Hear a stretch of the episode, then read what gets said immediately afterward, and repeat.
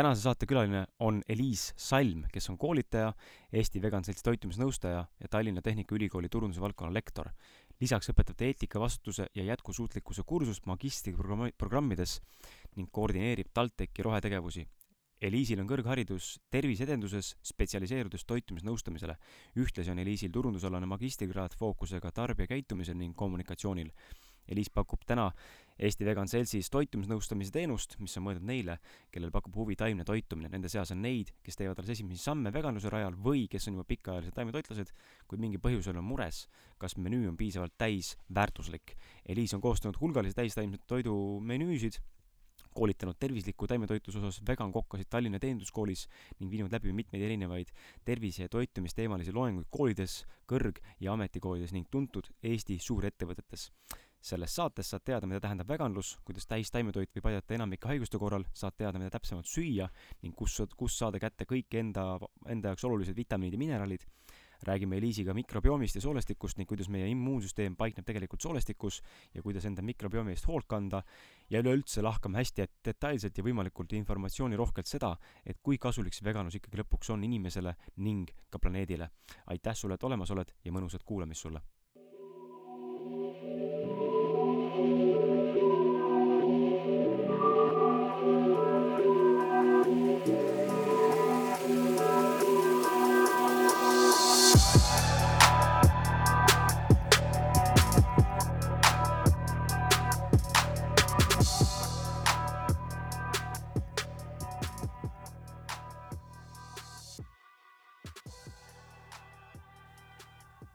Ja no nii, olemegi käes uue saatega jälle, et äh, nii nagu sissejuhatuses kuulsid, siis äh, saates on mul täna Eliis Salm, mina olen Kris, selle Kris Kala podcasti host või, või eestvedaja või hääl, sina mind juba tunned aastaid.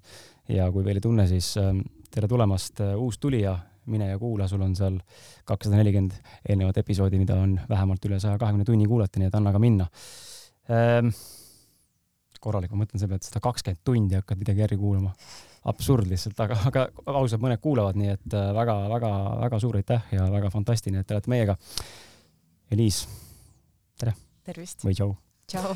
Äh, rõõm on näha sind siin, et äh, see saade on pika sellise kummiga natuke olnud, me olime haiged vahepeal ise mõlemad ja, ja siis kuidagi asjad ei ole jooksnud lihtsalt nii, nagu on võib-olla algupäraselt lootsime, et kohe see ära teha, aga õnneks äh, meie tuhin ei ole mööda läinud ähm, ja tuhin on, äh, tuhin on suur ja kui ma vaatan tänast kondikava, mida ma olen siin välja printinud ja koostanud ja sa oled sellega tutvunud, siis äh,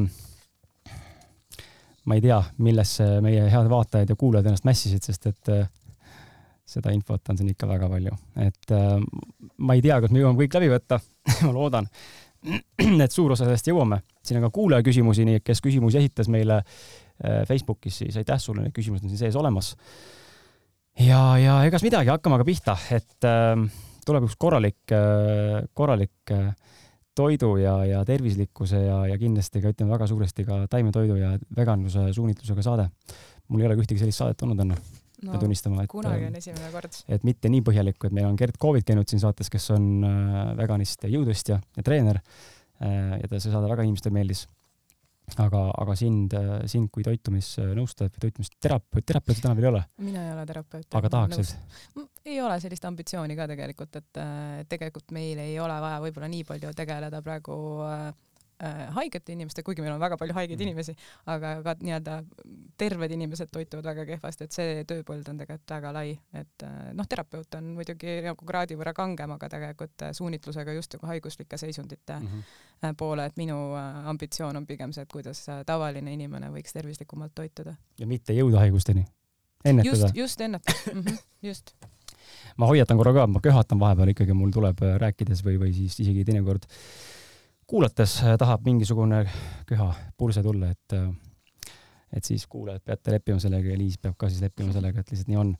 aga hakkame pihta. Ähm, lähme siit algusest, et äh, miks ja kuidas, millal sai sinust üldse vegan ja räägi natuke tagatausta ka enne, kui lähme selleni, et me hakkame inimesi üle uputama informatsiooniga. jah, et minu lugu, ma olen mõned korrad seda rääkinud isegi paaris podcast'is, et saab ennast korrata, aga aga ma arvan, et ta ei ole kuidagi kardinaalselt erinev teiste veganite lugudest, et päris algusest, kui mõelda nagu päris lapsepõlve peale, et ma olen siuke mõnes mõttes tavaline eestlane, kellel on äh, vanavanemad elanud maal ja on pidanud loomi ja on suviti saanud käia kuskil siis abiks ja nende loomadega kokku puutuda, et ma olen alati pidanud ennast hästi suureks loomasõbraks, et lapsepõlvest peale, et äh, kuidagi väga armastasin loomi ja loodust ja, ja tegelesin, olin palju looduses ja tegelesin kooli ajal sellise keskkonnakaitse teemadega, et organiseerisin prügi korjamist oma seal oma linnas ja olen kogu aeg nagu olnud selle suunitlusega ja mõtlesin, et ka tegelikult tervis on olnud alati minu jaoks oluline, et mul tuleb mingi episood lapsepõlvest meelde, kus mul vanemad üritasid mulle tervislikku toitu sööta selle, noh, et ma küsisin, kas see on tervislik ja kui nad ütlesid, et jah, et see on tervislik, siis ma sõin seda, et äh, mul oli see kindlasti selline periood, kus mul oli oluline, et äh, ma sööksin tervislikku toitu. mis on väga huvitav, sest et tavalised lapsed, kui ütlevad, et see on tervislik, siis ei, mina ei söö. jah jah, mul oli kuidagi mingi periood, mul on väga selgelt lihtsalt meeles see, küllap mul oli ka mingi teine periood, aga seda ma ei mäleta. aga jaa, mingi, mingi hetk ma arvan, et see võis olla umbes sihuke äh, kümme aastat tagasi ma kuidagi sattusin rohkem äh, loomakaitse teemasse, tegelesin päris aktiivselt äh, lemmikloomadega, et sihuke kodutute kasside ja koertega ja, ja see aktivism oli, kuidagi viis mind sellesse teemasse rohkem sisse, ma läksin äh, ma arvan, et see oli kaks tuhat neliteist aastal, kui ma käisin äh, loomaõiguste konverentsil, seda siiamaani korraldatakse. Äh, varsti on tulemas selle aasta konverents ka. Eestis? jaa, see mhm. on Eesti Vegan Seltsi ja Loomuse poolt korraldatav äh, konverents olnud ja ma käisin seal siis kuulamas oma, oma kassi ja koera päästmise taustaga ja, ja seal olid väga huvitavad ettekanded, mu üks Soome teadlane rääkis empaatiast ja sellest, mis, mis empaatia vormid on olemas ja ma mingi, mingil hetkel tajusin, et oh, et mul nagu mingid protsessid sees, et mm, -hmm. et hakkan mõtlema tõesti, et, et noh, kuida-, kuidas ma nüüd nende kasside-koertega siin niimoodi tegelen ja arvan, et kuidagi siga või lehm on teistsugune loom, et te, tegelikult ei ole. ja see oli, see oli mingi siuke murranguline hetk ja siis tegelikult seal oli üks ettekanne veel sotsiaalse õigluse teemadest, et äh, inimesed, kes töötavad tapamajas, et et me mõtleme kuidagi neist inimestest, et nad on eriti kuidagi sellised retsidivistid või siuksed, et tulevad tänaval vastu, siis äh, pead umbes metsa jooksma, sest et sa ei tea, et noh, nad ju tapavad loomi, aga noh, see on päris jõhker töö, et keegi peab seda tegema, sest et äh, nii-öelda segatoitlane või lihasööja maksab selle kinni. aga see ei ole lihtne töö, eks ju, et need inimesed on, noh, see on väga-väga keeruline. ja see oli huvitav, huvitav ettekanne ja siis pärast seda ma mõtlesin, et no aga miks ma võiks proovida ja, ja väga selgelt mäletan veel seda ka, kuidas oli mingi saade, kus äh, räägiti äh, taimetoitlusest ja veganlusest ja siis ma mõtlesin, et okei okay,, taimetoitlane võiks olla, aga veganlus, see tundub ikka päris ekstreemne nagu. ja siis läks umbes kaks kuud aega, et äh, siis mul, siis mul ei tundunud enam väga ekstreemne olla vegan, et et jah, et see minu siis praktika on umbes seitse aastat nüüd sai aasta alguses, nii et üksjagu on nagu kogemust juba korraliku kaliibriga? noh, ma arvan, et äh, me, meil on muidugi oluliselt pikemaajalisi veganeid Eestis siin mm -hmm. mitukümmend aastat äh, praktiseerinud, aga, aga ma olen, ma arvan, see mingi vahepealne justkui nagu generatsioon, et nüüd on see trend on eriti aktiivne, et noorte hulgas on ju tohutu palju, et ma olen natukene pikema praktikaga, aga kindlasti mitte nagu äh, nii-öelda need ähm, teenäitajad, et need, need inimesed on meil ikka siin, meil on isegi inimesi, kes on eluaeg olnud veganid, et mm. mõned on, kes on kasvanud veganina, et see päris äh, päris huvitav.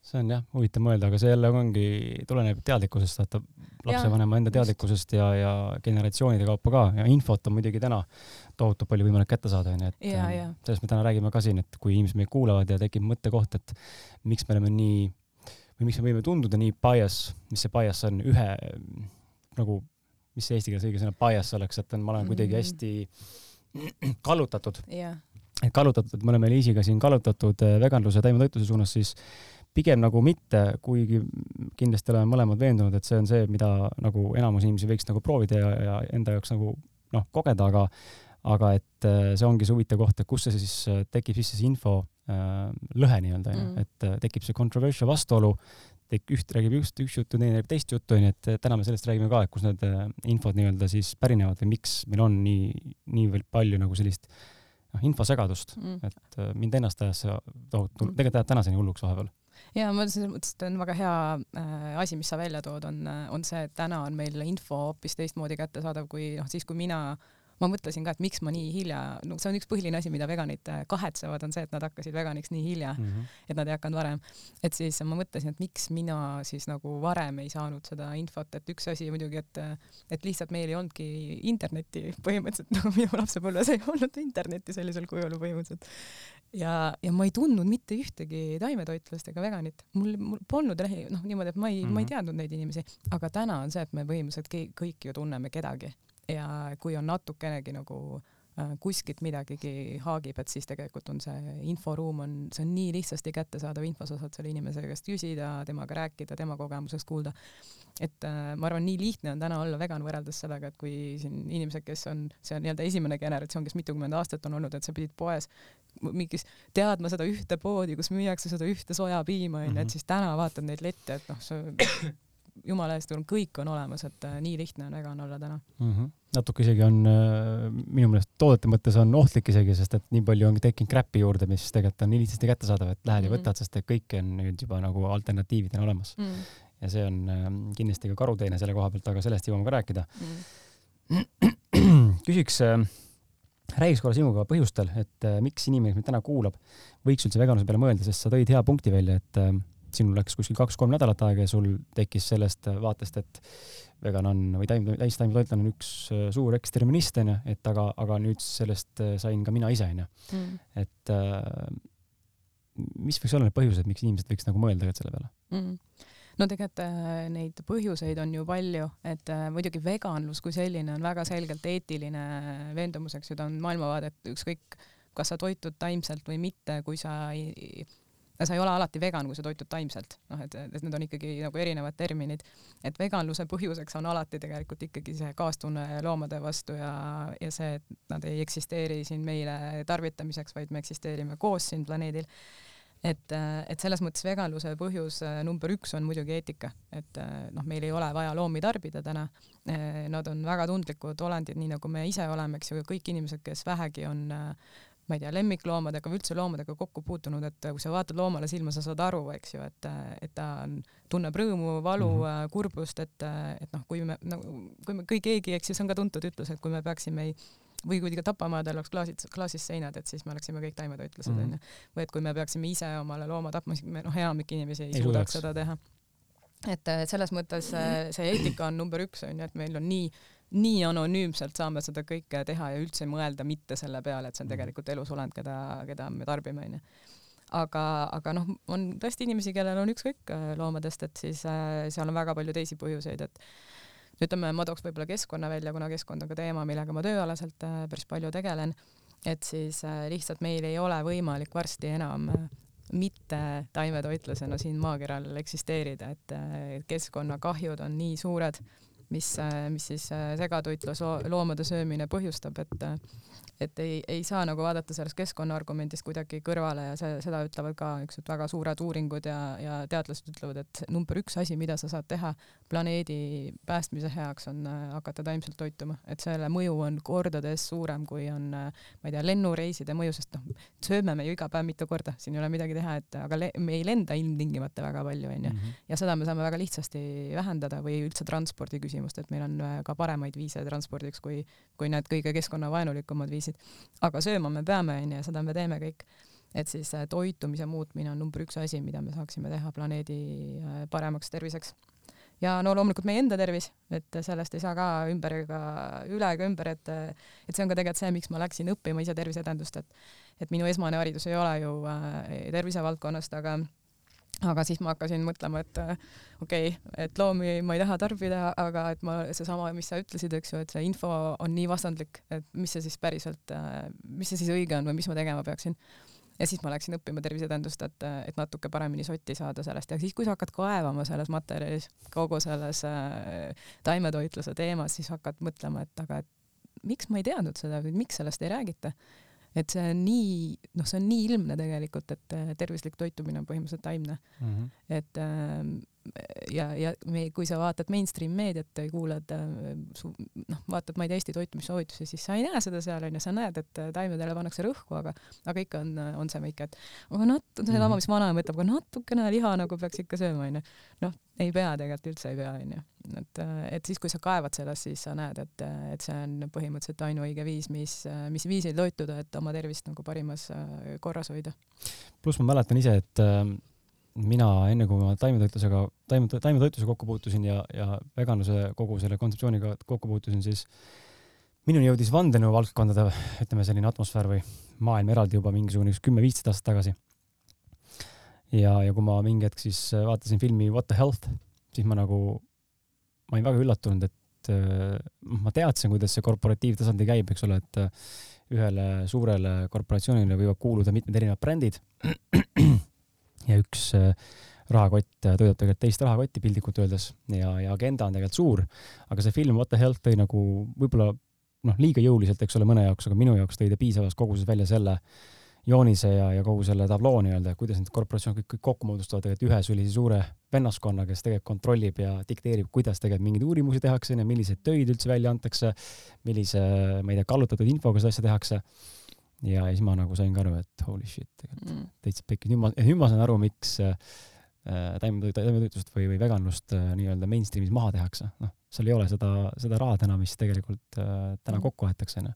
et nii nagu nafta ja kõike muu puhul, puhul ka, onju, et et tegelikult see on nii loogiline, kui inimene ise äh, valmis nagu süvenema. ma ei tea, kuidas sina nagu tunned seda, Liis, aga mulle tundub, ma võin, ma võin eksida, ainult oletada, aga see on minu enda kogemuse pealt ja, ja vaadeldes teisi inimesi enda ümber, et äh, inimestele ei meeldi minna süvitsi. Äh, me no tahame... nii palju muid probleeme on ka inimestel onju no, et sa ei jõua, sa ei, sa tahad ju usaldada alati seda süsteemi, et keegi teeks ju nii-öelda teaks paremini ja teeks sinu eest äh, otsuseid. Ja see kehtib erinevates valdkondades minu meelest, et, et sa ei jõua kõiki asju ise uurida, siis sa tahaks usaldada, et keegi on seda teinud sinu eest ja sul on selle võrra lihtsam. Noh, siis on lõpuks on nii nagu tubakatööstusega, minu arust Vata Healthist nad räägivad vist ka sellest samast mm -hmm. aspektist, aga aga noh, see mingi hetk see muutub lihtsalt nii et seda on võimatu nagu peita, onju, tubakatööstusega oli sama, et alguses ikkagi no tulid mingid uuringud, onju, aga et, et seda ikkagi üritati nagu kinni mätsida, onju, mhm. aga lõpuks oli neid uuringuid nii palju, et siis enam ei õnnestu, et noh, et ja täna me oleme seal, kus on väga selge, kõik inimesed teavad, et tubakas põhjustab äh, kopsuvähki, eks ju mm. -hmm. et äh, et noh, me näeme tegelikult äh, Taidoga juhtub äh, sama, et äh, ikkagi on võimatu, noh, kuigi tööstusel on väga suur jõud, noh, nii nagu sa ütlesid, uuringud tegelikult väga paljuski on rahastatud ikkagi tööstuse poolt, meil ei ole sellist mingisugust köögiviljakasvatajate organisatsiooni, kes telliks uuringuid, onju, et, et need uuringud tulevad lihtsalt, need tulevad paratamatult, need näitavad uuringud, eks ju, et taimetoitlus on erakordselt tervislik, taimed nagu, eks ju, toetavad tervist nii palju, et, et on oluliselt vähem erinevaid haigusi esineb nendel inimestel ja neid uuringuid on lõpuks nii palju, et enam ei saa seda nagu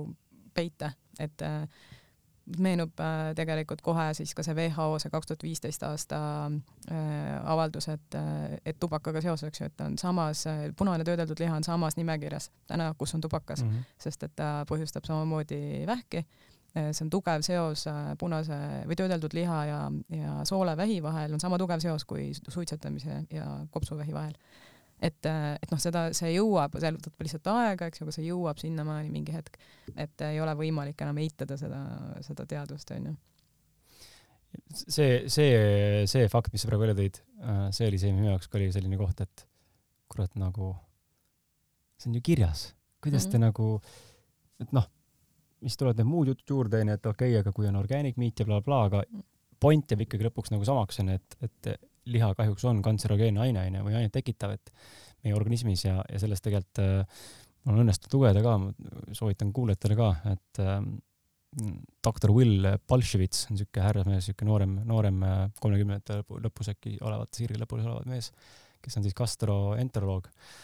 Ja tema teeb äh, koostööd ühe keli Tom, Tom, Tom Spector, Spector, kes on, kuulub Inglismaa mingisugusesse ka tervisenõukokku, eks ole, aga ta on ka ise nagu gastroenteroloog ja mikrobiomi mingisugune hull teadlane, kes on teinud mingeid tohutuid, mingi viimased viisteist aastat vist järjest kaksikutega mingeid uuringuid ja noh, on näinud nagu, et inimesed on, kõik on sama, eks ole, aga, aga mikrobioom on erinev ja sealt on inimese konditsioon kohe erinev, onju, et kas üks on haigem, üks on vähem haigem, üks sureb varem ära, üks sureb hiljem ära, onju. teda ma olen siin kuulanud ja, ja sealt on ka tekkinud need paremad arusaamised, et üha rohkem saad nagu aeg kinnitust sellele, et see täistaimne toitlus mm., puuviljade, juurviljade ja kogu taimede maailma nii-öelda nagu toidumaailma siis mitmekesisus on see, mis tegelikult loob sulle selle noh, väga tugeva põhja, nii vundamendi kui, kui tervise kui ka immuunsuse onju. noh, siin võib muidugi võtta kohe karus, karusabas kinni ja öelda, et oot-oot, aga ise olite ju haiged, eks ole. olles vegan ja täiendasid toitlased, noh, see, see ei anna sulle immuunsust nüüd nagu, et sa oled nüüd äh, immortal onju või, või ma ei tea, täiesti nagu surematu inimene.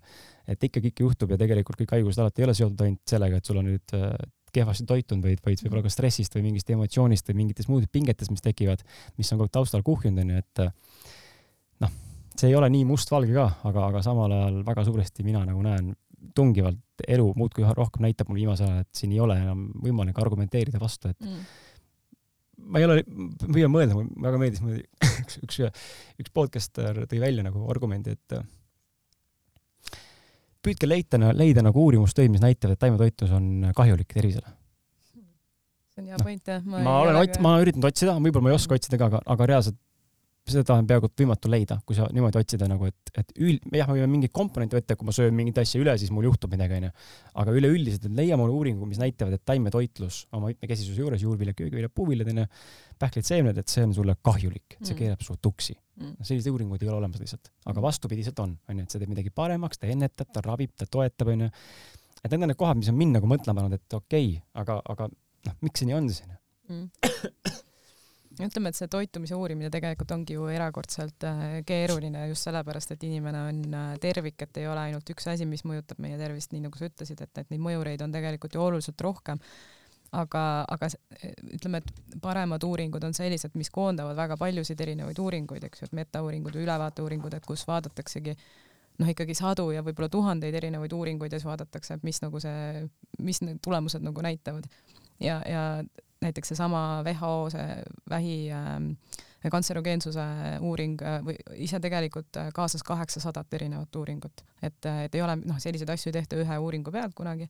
Ja nüüd need üksikud uuringud ongi sellised tegelikult kahtlased, eks ju, et me ei tea tegelikult, kas mm, -hmm. kuidas, mis metoodikat seal on kasutatud, kas on kallutatud, kes on rahastanud ja nii edasi. et me võime leida üksikud uuringud, mis on täiesti kardinaalselt ju vastupidised üksteisele, aga see, mis me päriselt äh, mida võib-olla tasuks rohkem usaldada, ongi siis nagu metaülevaated. ja tegelikult ka sellised uuringud, mis vaatavad äh, sellised pikaajalised äh, inimesi jälgivad uuringud, äh, siuksed, võetakse suured inimeste rühmad, kohortuuringud, eks ju, vaadatakse võib-olla sadu tuhandeid inimesi aastakümnete jooksul mm, -hmm. vaadatakse nende elustiili Äh, ja siis nagu saab, alati neid elustiilifaktoreid seal saab kaaluda, eks ju, kuivõrd mingi asi äh, mõjutab üleüldist tervist ja nende põhjal siis on tehtud neid järeldusi, et milline toitumisviis on tervislikum ja milline on justkui vähem tervislikum. et, äh, et need, mis meie siis äh, ähm, nii-öelda kõige, mida mina olen ka kõige põhjalikumalt uurinud, on advent, adventistide teine terviseuuring, mis on aastast äkki kaks tuhat kaks ja kus on siis selles mõttes äh, tore kohort, et äh, need inimesed üldiselt nad on äh,, see on siis kristluse üks liike mm -hmm. ja nad on oma üldise tervisekäitumise poolest üsna tervislikud. Nad äh, üldiselt ei suitseta, ei tarbi alkoholi keskmine toitumine on äh, tervislikum kui selline, ütleme, et USA, USA mõttes veel noh, eriti, eriti tervislik, sest et USA toitumine on veel erakordselt paigast ära. Et, äh, et siis saab seda toitumise mõju tervisele veel kõige paremini sealt selles kohordis ja, ja seal väga selgelt tulevad välja just need näitajad, et kuid nende hulgas on erinevalt toituvaid inimesi mm, -hmm. on nii veganeid kui segatoitlasi, aga väga selgelt tuleb välja see, et äh, põhilised elustiilihaigused, mis arenevadki aastakümnete jooksul, et see ei ole niimoodi, et noh, nakkushaiguse jah, saad sa mm -hmm. niimoodi, et homme saad aru, et üleeile külmetasid onju või said mingi viiruse, aga nendes uuringutes siis on näha, kui palju areneb mingeid haigusi aja jooksul ja väga selgelt joonistub välja see, et äh, veganitel või täistaimselt toitujatel on äh, märkimisväärselt äh, vähem elustiilihaigusi, sealhulgas siis kõrvere, kõrgvererõhktõbi, südame-veresoonkonna haigused number üks tapja maailmas, läänemaailmas, Eestis sealhulgas, erinevad vähiliigid, eriti siis suhkruhaigused, diabeedikud. diabeet kindlasti, aga vähkidest on eriti just äh, hormoonsüsteemiga seotud vähid, mis on ka mm -hmm. hästi levinud meil Eestis, samamoodi rinnavähk, eesnäärmevähk meestel ähm,, mis meil veel seal olulisemad on, noh, soolevähk, eks ju, see on seesama WHO äh, äh, kantserogeensuse teema. et äh,, et seal on väga palju erinevaid asju, mida saab välja tuua, tegelikult üha rohkem räägitakse näiteks äh, Alžeimerist või mm -hmm. dementsusest, et tegelikult ka toitumine mõjutab väga tugevalt seda, kuidas me vanas eas äh,, kuidas meie kognitiivne võimekus on.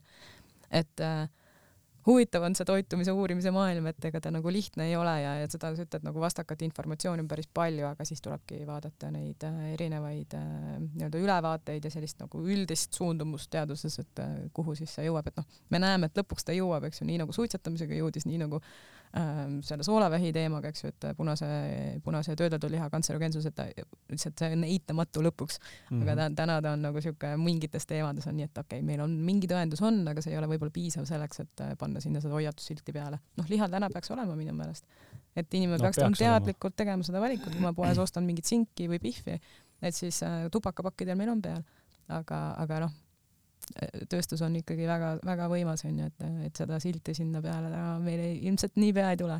see, see sink ja pihv ja need kõik need delikatesstooted, need kõik ongi need, millest me tegelikult räägime, need on need töödeldud toidud. just, töödeldud liha jah. viinerid ja noh, need on Eesti lemmikud, eestlaste lemmikud sardellkartuliga.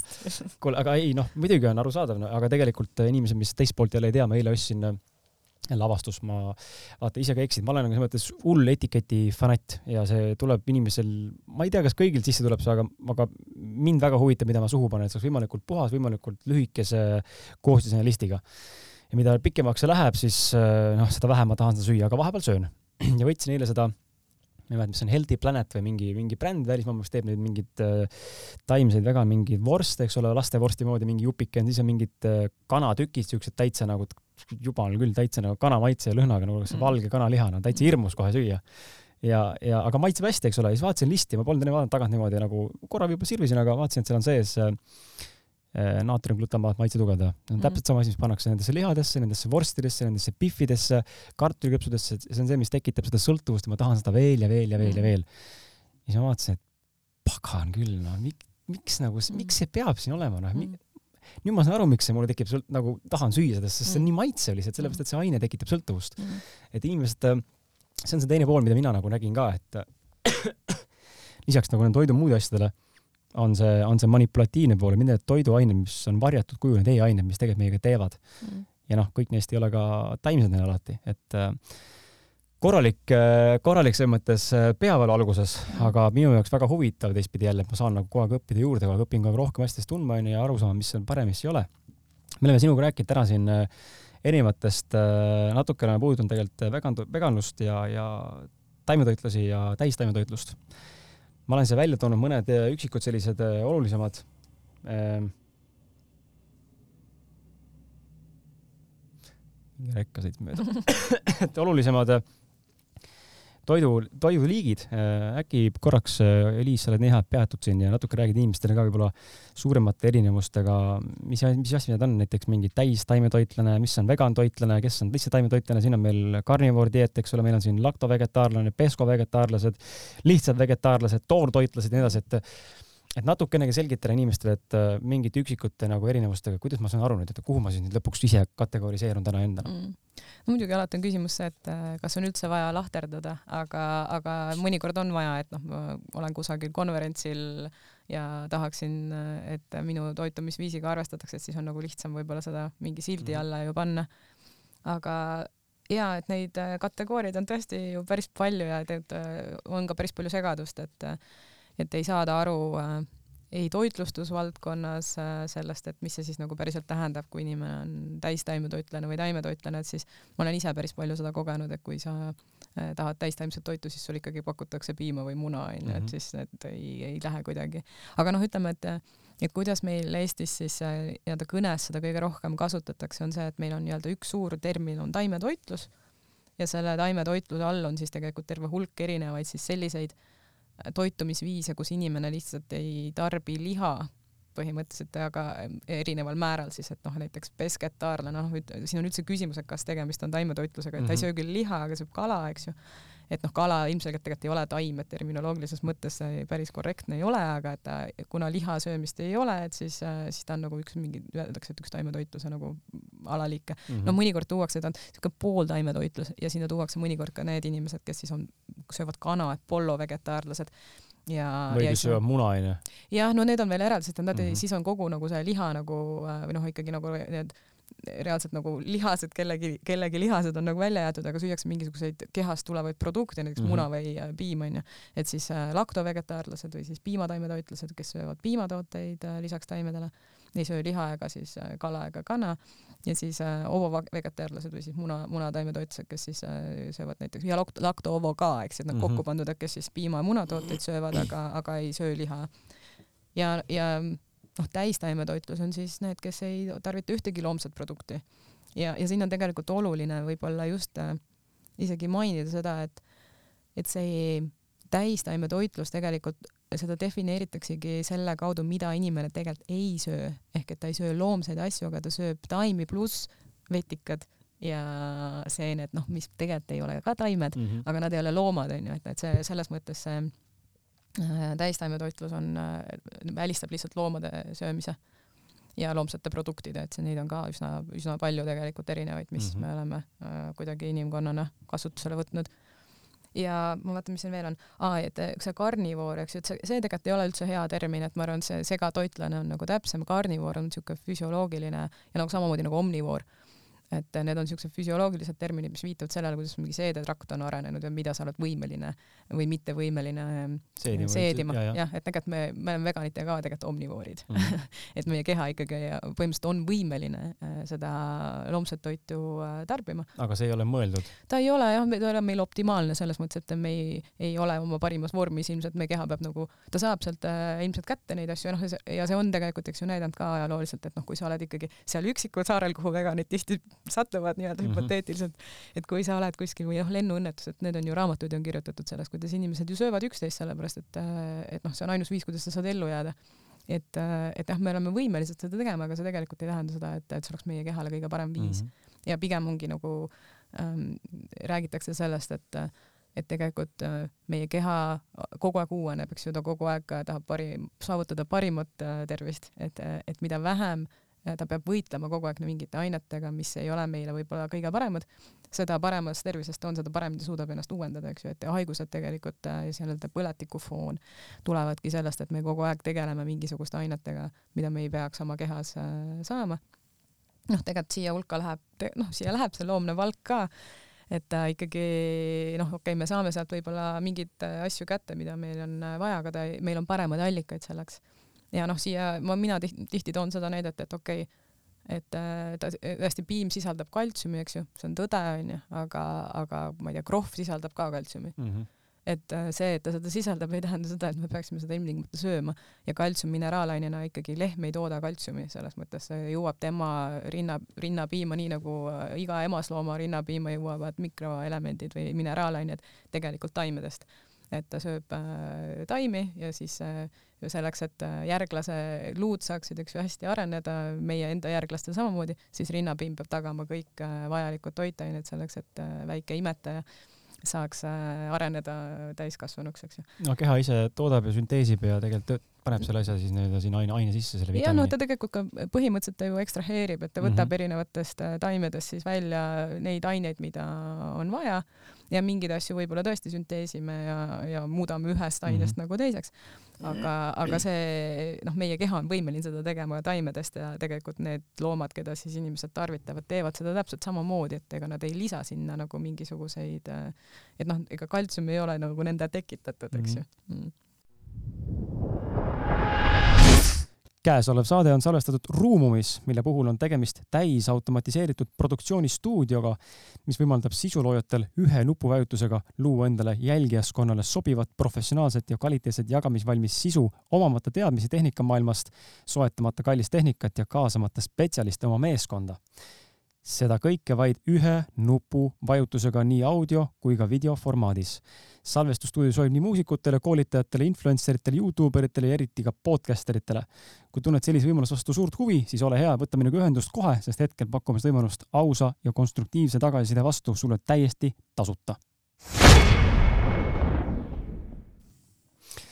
see on, äh, mul tuleb meelde, et siin ma olen mõne inimesega vestelnud sel teemal, kes on kas mingid biohäkkerid või, või kuidagi ka nagu terviseteemadel noh, ka raamatuid kirjutanud, ikkagi jälle vägagi on näha, et noh, ikkagi loevad teadust, eks ole, samamoodi mingeid uuringuid ja, ja jälgivad ja niisama ei lahmi.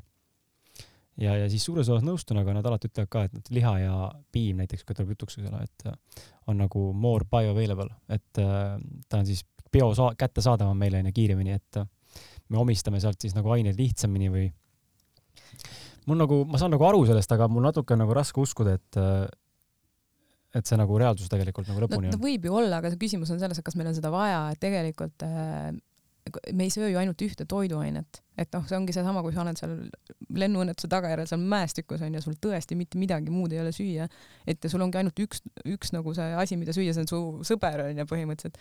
et siis see, see on täpselt äh, ideaalne koostis tegelikult, inimese koed, eks ju, on täpselt ideaalse koostisega selleks, et äh, meie oma, meie oma kudede jaoks mm -hmm. nii-öelda. ja meie oma rinnapiim on selles mõttes ideaalne toit, äh, kui me mõtleksime, et me piima tarbime, et siis see peaks olema inimese rinnapiim onju. noh, enamik inimesi ajab seda kergelt öökima, et noh, ei kujuta ette, et paneks kohvi peale rinnapiima. aga, aga lehmapiima nagu teise tundub, liigi piima on okei okay juua. et see, see nagu ei pane ööki, sest see on nii normaliseeritud aga, aga teate, võib ju olla nii, et need faktid on nagu, need ei ole valefaktid selles mõttes mm, -hmm. et seda on võimalik ju mõõta. aga küsimus on selles, et tegelikult meil on vaja ju kompleksset äh, valikut erinevatest äh, toitainetest. Ja okei okay,, piimas on palju kaltsiumi, aga kust sa kiudaineid saad, eks ju, kust sa saad erinevaid vitamiine, et selles mõttes, kui me sööme ikkagi mitmekesist äh, terviklikku taimetoitu, siis need on, loodus on niimoodi seadnud, et me saame ideaalse kompoti neid asju sealt kätte. ja mul on väga hea näide ka selle kohta, et kui ma õppisin ise äh, terviseedendust ja mul on toitumisnõustamise spetsialiseerumine, siis meil oli terve kursus siis neid samasuguseid õppijaid, mingi kakskümmend inimest ja me pidime tegema oma menüü analüüsi, kümne päeva menüü analüüsi, niimoodi, et me reaalselt kaalusime, mõõtsime täpselt ära, mida me sõime. meie hulgas oli selline äkki neli, kolm-neli äh, täistaimselt toitujat ja ülejäänud segatoitlased. aga kuna kõik õpivad, eks ju, toitumist, siis noh, nad ei ole kindlasti sellised tavalised eestlased, kes sööks seda sardelli ja umbes nii, et ikkagi üsna teadlikud äh, toitujad ja noh, minu jaoks oli ka see natuke üllatus, ma ei olnud ka selleks nagu valmis, et, et mu enda nagu menüüd, ma ei teinud midagi erilist selles mõttes, ma sõin nii, nagu ma söön ja, ja ma sõin ka mingit, noh, mingit äh, poolfabrikaati ja mingit kooki umbes noh, et, et ma ei teinud midagi erilist. ja ma olin vist äh, Äh, ma olin vist äkki ainus või siis äh, meil olid teis-, teised taimetoitlased, kes pidid ülivähe korrigeerima oma menüüd, sest et see oli juba tasakaalus. ja noh, mul ei olnud midagi vaja teha, lihtsalt oli väga suur üllatus minu jaoks, et kümne päeva peale sul menüü on ideaalselt tasakaalus äh, ja arvestades, kui palju tegelikult on neid toitaineid, mida seal vaadatakse, mitte ainult makrod on ju, kõik mikrod ka et, et mitte midagi sa ei pea tegema, kui sul terviktoitudest valdavalt koosneb menüü taimsest terviktoidust et see on juba, loodus on niimoodi teinud asjad, et kõik on äh, ise tasakaalus ja need toitumisnõustajad siis põhimõtteliselt onju, kes segatoitusid, sa võid küll tervislikult süüa, aga sa pead ikkagi päris palju nagu tasakaalustama ja mõtlema, et äh, okei okay,, kohe kui sa paned sinna selle mingisuguse liha, sul lähevad kõik teised toitained mm -hmm. tasakaalust nii palju välja, et sa pead hakkama ikkagi nagu vaatama, et okei okay,, mis ma siit nüüd nagu suurendan ja mida ma siia lisan, et ta üldse nagu tasakaalu läheks. Et mis on äh, meile ei tundu nagu, eks ju, pigem on nagu mingi vastupidine mulje jäetud, et, et vegan toitumine kuidagi keeruline, pead seal midagi mõtlema, kogu aeg midagi kaaluma ja et noh, minu kogemus selles mõttes ei kinnitanud üldse seda, aga et noh, muidugi võib-olla mul juba oli mingisugune teadlikkus ka, et ma ikkagi kaunvilju sõin, onju. et kui sa mõtled keskmist eestlast, kuidas ta toitub, et võtad selle sardelli sealt ära, et noh, ja läheb oluliselt paremaks, et võib-olla selles mõttes läheb paremaks, et kolesterool läheb -hmm. vähemaks, onju, küllastunud rasvhappeid läheb vähemaks, aga, aga see peaks ikkagi nagu, ma ei tea, kas me seda toidupüramiidi, ma ei saa näidata ka seda, aga inimesed saavad ise vaadata seda Eesti toitumisuuringu alusel tehtud toitumispüramiid, et ühes on äh, kaks tükki kõrvuti, üks on see soovituslik toidulaud ja teine on see, kuidas siis inimesed toituvad, et see on väga selgelt näha, et noh, väga halvasti toituvad inimesed, et tegelikult see taimne osa on nagu olematu mm -hmm. ja siis ongi, tekibki see küsimus, et okei okay,, ma võtan selle loomse sealt ära, aga seda taimset ka ei ole. et siis, äh, siis ta, ta ei lähe nagu, tekivad lihtsalt erinevad äh, probleemid. et kui sul alguses on kõrge vererõhu probleem onju, siis pärast sul tekib mingi kaaloraaži probleem mm -hmm. näiteks, et et äh, need probleemid lihtsalt, üks probleem muutub teiseks probleemiks, et aga noh, enamike veganite kogemus või noh, minu, minu teadlikkus vähemalt näitab seda, et inimesed kes hakkavad taimselt toituma, nende toidulaud rikastub nagu tohutult, et võrreldes segatoitlusega mm. -hmm. et sa lihtsalt, et ei ole sellist kogemust, et oi, aga mis ma nüüd sööma hakkan, vaid vastupidi, et järsku avastad, et nii palju erinevaid toiduaineid on, mida ma võib-olla segatoitlusena kunagi ei tarbinud ja, ja siis järsku need muutuvad nii normaalseks ja eks ta on äh, natuke on siuke ebamugav võib-olla ka alustuseks, mul siin paar sõpra, kes on taimetoitlaseks hakanud või, või täna katsetavad seda maailma nagu tublisti, jõuliselt ja väga usinasti ja aga nemad on ka ütlevad, et noh, ei oska nagu midagi teha süüa. aga ma saan täitsa aru sellest, et inimestel ongi kohe on error, kui ära jätta need mm. põhivalguallikad, eks ole, mis sa oled harjunud sööma sinna kõrvale, et siis ja kui sa ei ole harjunud, nagu sa ütlesid ka, kaunvilju sööma või, või väga nagu juurikatele tähelepanu pöörama, siis sul ongi seal taldrikul võib-olla ainult mingi saiaviil ja kurktomat onju noh mm no aga see on ju väga hea küsimus on siit juurde, et kas sa sündisid, kas oskasid süüa teha? no ei osanud ilmselt. noh, et kõik on õpitud, et selles mõttes küsimus ongi, et mida sa oled õppinud, onju, et sa pead korra ära õppima selle, pead korra tegelikult lugema seda pakendit, et mm -hmm. kas, mis, mis siin sees on ja edaspidi, kui see noh sobis sulle, siis sa saad seda osta. ja, ja samamoodi on noh, mina, ma olin, ma olin täiesti šokeeritud, kui ma esimest korda, kui ma sain teada, et pannkoogi tegemiseks ei ole vaja piima ja muna kasutada, et see põhimõtteliselt on sul jahu ja sojapiim ja mingid maitseained ja küpsetuspulber nagu. ja ma olin, ma olin täiesti šokis, sest et see oli täpselt sama kook ja siis ma ei saanud aru, et miks neid üldse sinna pannakse, et see on ju kallis ka ju kokkuvõttes, et nagu, et miks seda tehakse, et nagu võiks, noh, ühesõnaga mu siiamaani on natuke selline tunne, et miks on vaja pannkoogi sisse nagu üldse panna, et see, et sa pead lihtsalt ära õppima selle retsepti korra ja edaspidi on, see on täiesti normaalne. see on paljude toitainetega või toitudega, ma olen märganud ka, et äh, kasvõi noh, banaanijäätis, et see on nagu teine koht on, et ma lihtsalt äh, külmutan viilutatud banaane ja viskan blenderisse või kombaini ja panen sinna törtsu, kas siis vett või vajadusel taimset piima juurde, et äh, kui ta ei suuda ise toime tulla ja natuke mingit vanillit ja marjad ja, ja mul on reaalselt jäätise tekstuuriline mm. banaan, aga ta nagu maitseb nagu jäätis. ülimaitsev ka. no ja siis tekibki küsimus, miks ma nagu siis üldse pean nagu äh, ostma poest mingit äh, töödeldud, äh, olgu ta siis nagu mitte taimne või taimne sest taimne omad on ka tegelikult ei ole puhtad, ükski neist sellisel viisil, nagu ma tegelikult eelistaks võib-olla. miks ma siis ostan neid, et jah, aga no siin tuleb mängu see maitseelamus ikka, vahel tahad mingit korralikku suhkrupauku saada või tahad nagu kogeda midagi uut ja see on kõik okei okay,, aga aga mulle meeldib, sa tõid välja selle termini terviktoit ka, et äh, täistaimetoit oma olemuselt ideaalses maailmas peaks ikka olema tervik ja, ja võib-olla inimesed ei tea, mis tähendab nagu tervik, aga ma eeldan, et sa vihjasid äh, whole food äh, terminile yeah,. Yeah, yeah. et äh, whole food, plant-based whole food termin võib-olla on inimestele rohkem kursis, kes jälgivad välismaa sisu. Eesti keeles see terviktoit kõlab nagu hästi siukselt nagu, et et see peab olema mm, terve õun, mitte jah, nagu terviktoit, et ma ei või midagi hakkida ka, et, et mm. et ta on lihtsalt see, et ta on oma olemuselt on ta tervik et temas on mingid vitamiinid, mineraalid, kiudained sees olemas. no põhimõtteliselt, et võimalikult vähe töödeldud ja. on see point seal. et, et tegelikult äh, et sa suudad enam-vähem tuvastada, et millest see tehtud on, et seal ei ole mm -hmm. mingisuguseid äh, äh, noh, ütleme tihti rafineeritakse, võetakse midagi ära, siis pannakse kokku ühest, teisest ja kolmandast asjast asju. et ta on võimalikult äh, tervik, nii nagu ta on looduses olnud, et, et see, ma segasin sulle vahele mm. -hmm. ei, ma lihtsalt tahtsingi tuua sedasama näidet, et hea näide on nagu see, et et kui me räägime näiteks, noh, ma vaatasin ühte seda koolitust, kus me üldse, võib-olla ei teagi, kus me üldse sattusime siia me täna siin vestleme, oli see, et ma sattusin äh, ühele loengule, Facebook kuskilt viskas ette mulle, et Liisil on mingi loeng. ma olin väga skeptiline äh, heas mõttes, sest et äh, minu, minu, minu tänase, tänane maailmakogemus on näidanud mulle viimase selle kaheksa või ütleme seitsme aastaga pigem, kui ma olen olnud taimetoitlane, et ei ole väga nagu neid inimesi, kes päris sarnaselt nagu minuga mõtleks toidumaailma osas, et jah, on taimetoitlased, aga aga need, mida nad söövad, ma nagu näen, et see ei ole nagu tervislik toitumine. tegelikult inimestel puudub totaalselt informatsioon ja ma olen nagu fanatt, kes nagu uurib ja õpib, mul väga huvitab toitumise maailm. ja siis, kui sind kuulama hakkasin, mul sain aru, et holy shit. keegi mõtleb ka samamoodi. Sister from another mother, vaata noh, et keegi mõtleb veel samamoodi, et elukaaslane ka mingi, et oo me ei olegi kahekesti ainult mm., väga põnev. no tegelikult neid inimesi on veel, aga sa ei. no ei tea, vaata, nad ei räägi, eks ole, avalikult mm. ei võta sõna onju ja mina ka niimoodi väga ei võta, aga on teemaks tulnud, aga siis sealt jäi külge see ja, ja, ja siis ma sain äh, sinu mingit äh, seda saadet kuulates sain ka kinnitust sellele, et äh, sa rääkisid ka sellest toidu eraldamisest.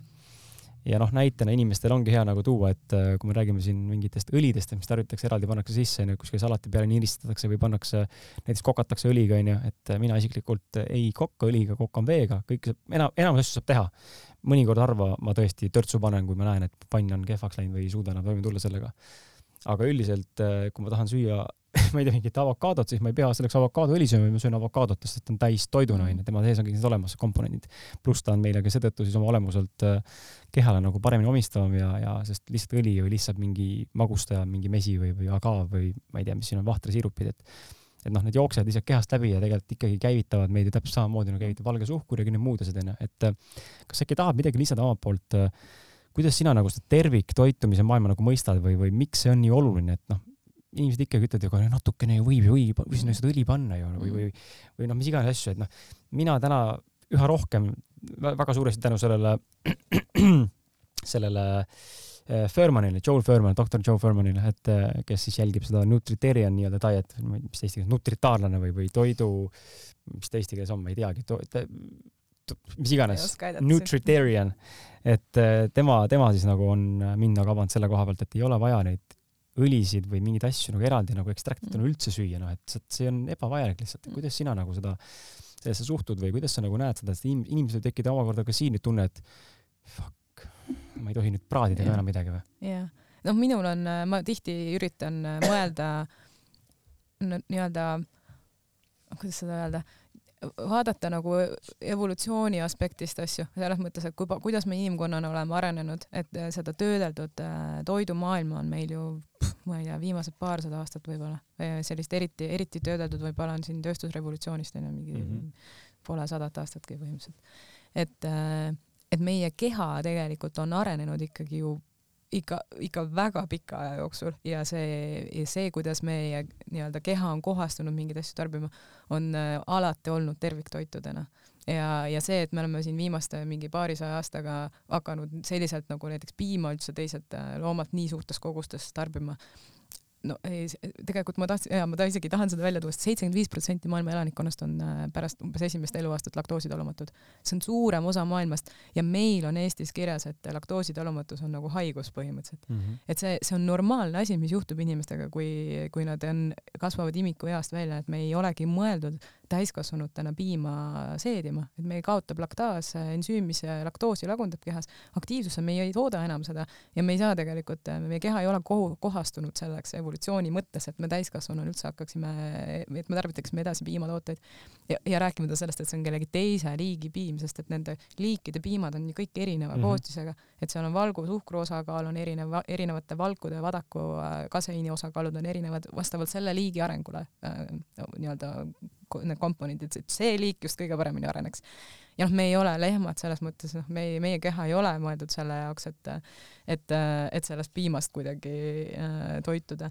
aga, aga et just ma vaatan alati seda seda arenguperspektiivi, et äh, kuivõrd nagu tundub loogiline, et noh, mida me võisime nagu inimkonnana süüa siis, kui me oleme enamuse aja, mis me oleme arenenud ja me oleme söönud valdavalt tegelikult äh, väidet-, noh, väidetavalt eriti puuvilju ja, ja tegelikult ka toitumise näiteks ajastamise mõttes, et me ei ole tegelikult kunagi söönud nii, nagu me sööme praegu, et me sööme mingi viis korda päevas, eks ju, ja kogu aeg näksime midagi mm -hmm. ja, mhm. ja et äh, meie keha üldse ei saa puhkust näiteks seedimisest, et et, äh, et meie, noh, see ei tundu väga loogiline, mis me praegu oma kehadega enamasti teeme, et see toit on lihtsalt nii kättesaadav kogu aeg ja enamik inimesi, noh, me olemegi arenenud tegelikult alati selle puuduse mm -hmm tingimustes, et kogu aeg on see, et ellu jääb see, kes ikkagi, kui sa leiad selle virsikupuu onju, et kes kõige rohkem suudab omale sisse süüa või pähklid, eks ju, et eriti rasvane energiatihe toode tegelikult, noh, ei ütle, et ta, ta on kindlasti väga tervislik, uuringud näitavad, et kes söövad pähkleid, nende tervis on ikkagi palju parem kui, kui nendel, kes ei söö. aga kuskil on ka piir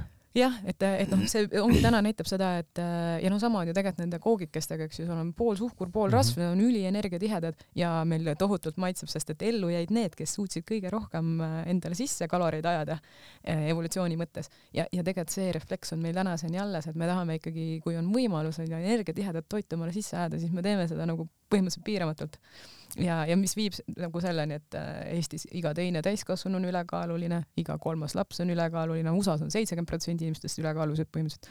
me liigume täiesti selles samas trendis, et äh, minu arust ka WHO, WHO andmetel kaks tuhat kakskümmend viis on põhimõtteliselt mõne aasta pärast kuuskümmend viis protsenti Eesti elanikest ülekaalulised ja sellega tulevad kaasa tohutud terviseprobleemid, eks ju, kõik elustiilihaigused on väga tugevalt seotud kehakaaluga ja, ja noh, kõrgvererakk, tõbidiabeet, äh, südame-veresoonkonna haigused, kõik, kõik on tegelikult äh, väga tugevas seoses äh, kehakaaluga ka ja noh, uuringud jälle näitab, veganite taimetoitlaste kehakaalu, kehamassiindeks on oluliselt parem kui, kui segatoitlastel mm. -hmm et, et noh, see on ka üks põhjus, miks tegelikult on taimetoitlastel äh, vähem elustiilihaigused, et see käib selle kehakaalu mehhanismi kaudu.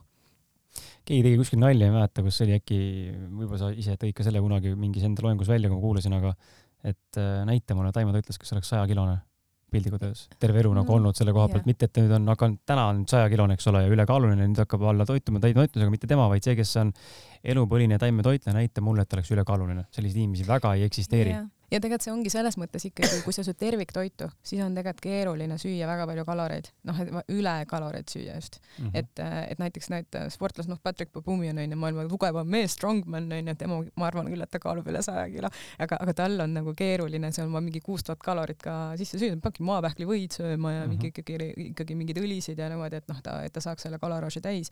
aga ütleme, normaalne tavaline inimene, ta tegelikult ei taha olla raske, eks ju, sa ei taha olla ülekaalus, see ei ole sul noh, tegelikult ka uuringud uuringud näitavad jälle, et pigem nagu saledad inimesed äh, ja ka, ka seda näiteks, et lapsed, kes on mm, lapsepõlves äh, pigem nagu pisemad onju, mitte noh, et öeldakse paks laps, terve laps -uh, nagu see, see on täiesti vale et tegelikult need nii-öelda saledad lapsed garanteerivad omale tulevikus palju parema elu ja, ja saledad inimesed elavad kauem.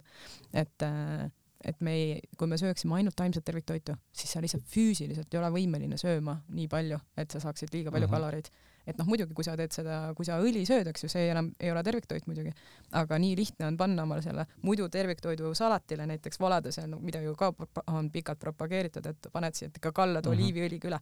üks supilusikatäis on umbes sada kilokalorit, üheksakümmend, sada oleneb võib-olla natuke. me ei pane ühte supilusikatäit alati sinna? absoluutselt mitte, ikka korralikult niimoodi, et sellest salatist niimoodi kohe muutub see salat nagu tegelikult väga ebatervislikuks mm. -hmm ja selle rasva, mis sellest õlist, eks ju, nagu sa ütlesid, et võiks parem süüa seda avokaadot, eks ju, ja see või noh, sööd neid pähkleidki kasvõi või, või paned sinna, ma ei tea, seemneid, eks ju mm. -hmm. et äh, tegelikult sa saad selle vajaliku rasva, sest rasva meil on vaja, see on tõsi, onju, et me ei peaks rasvavabalt toituma, aga see rasv võiks ka tulla terviktoitudest.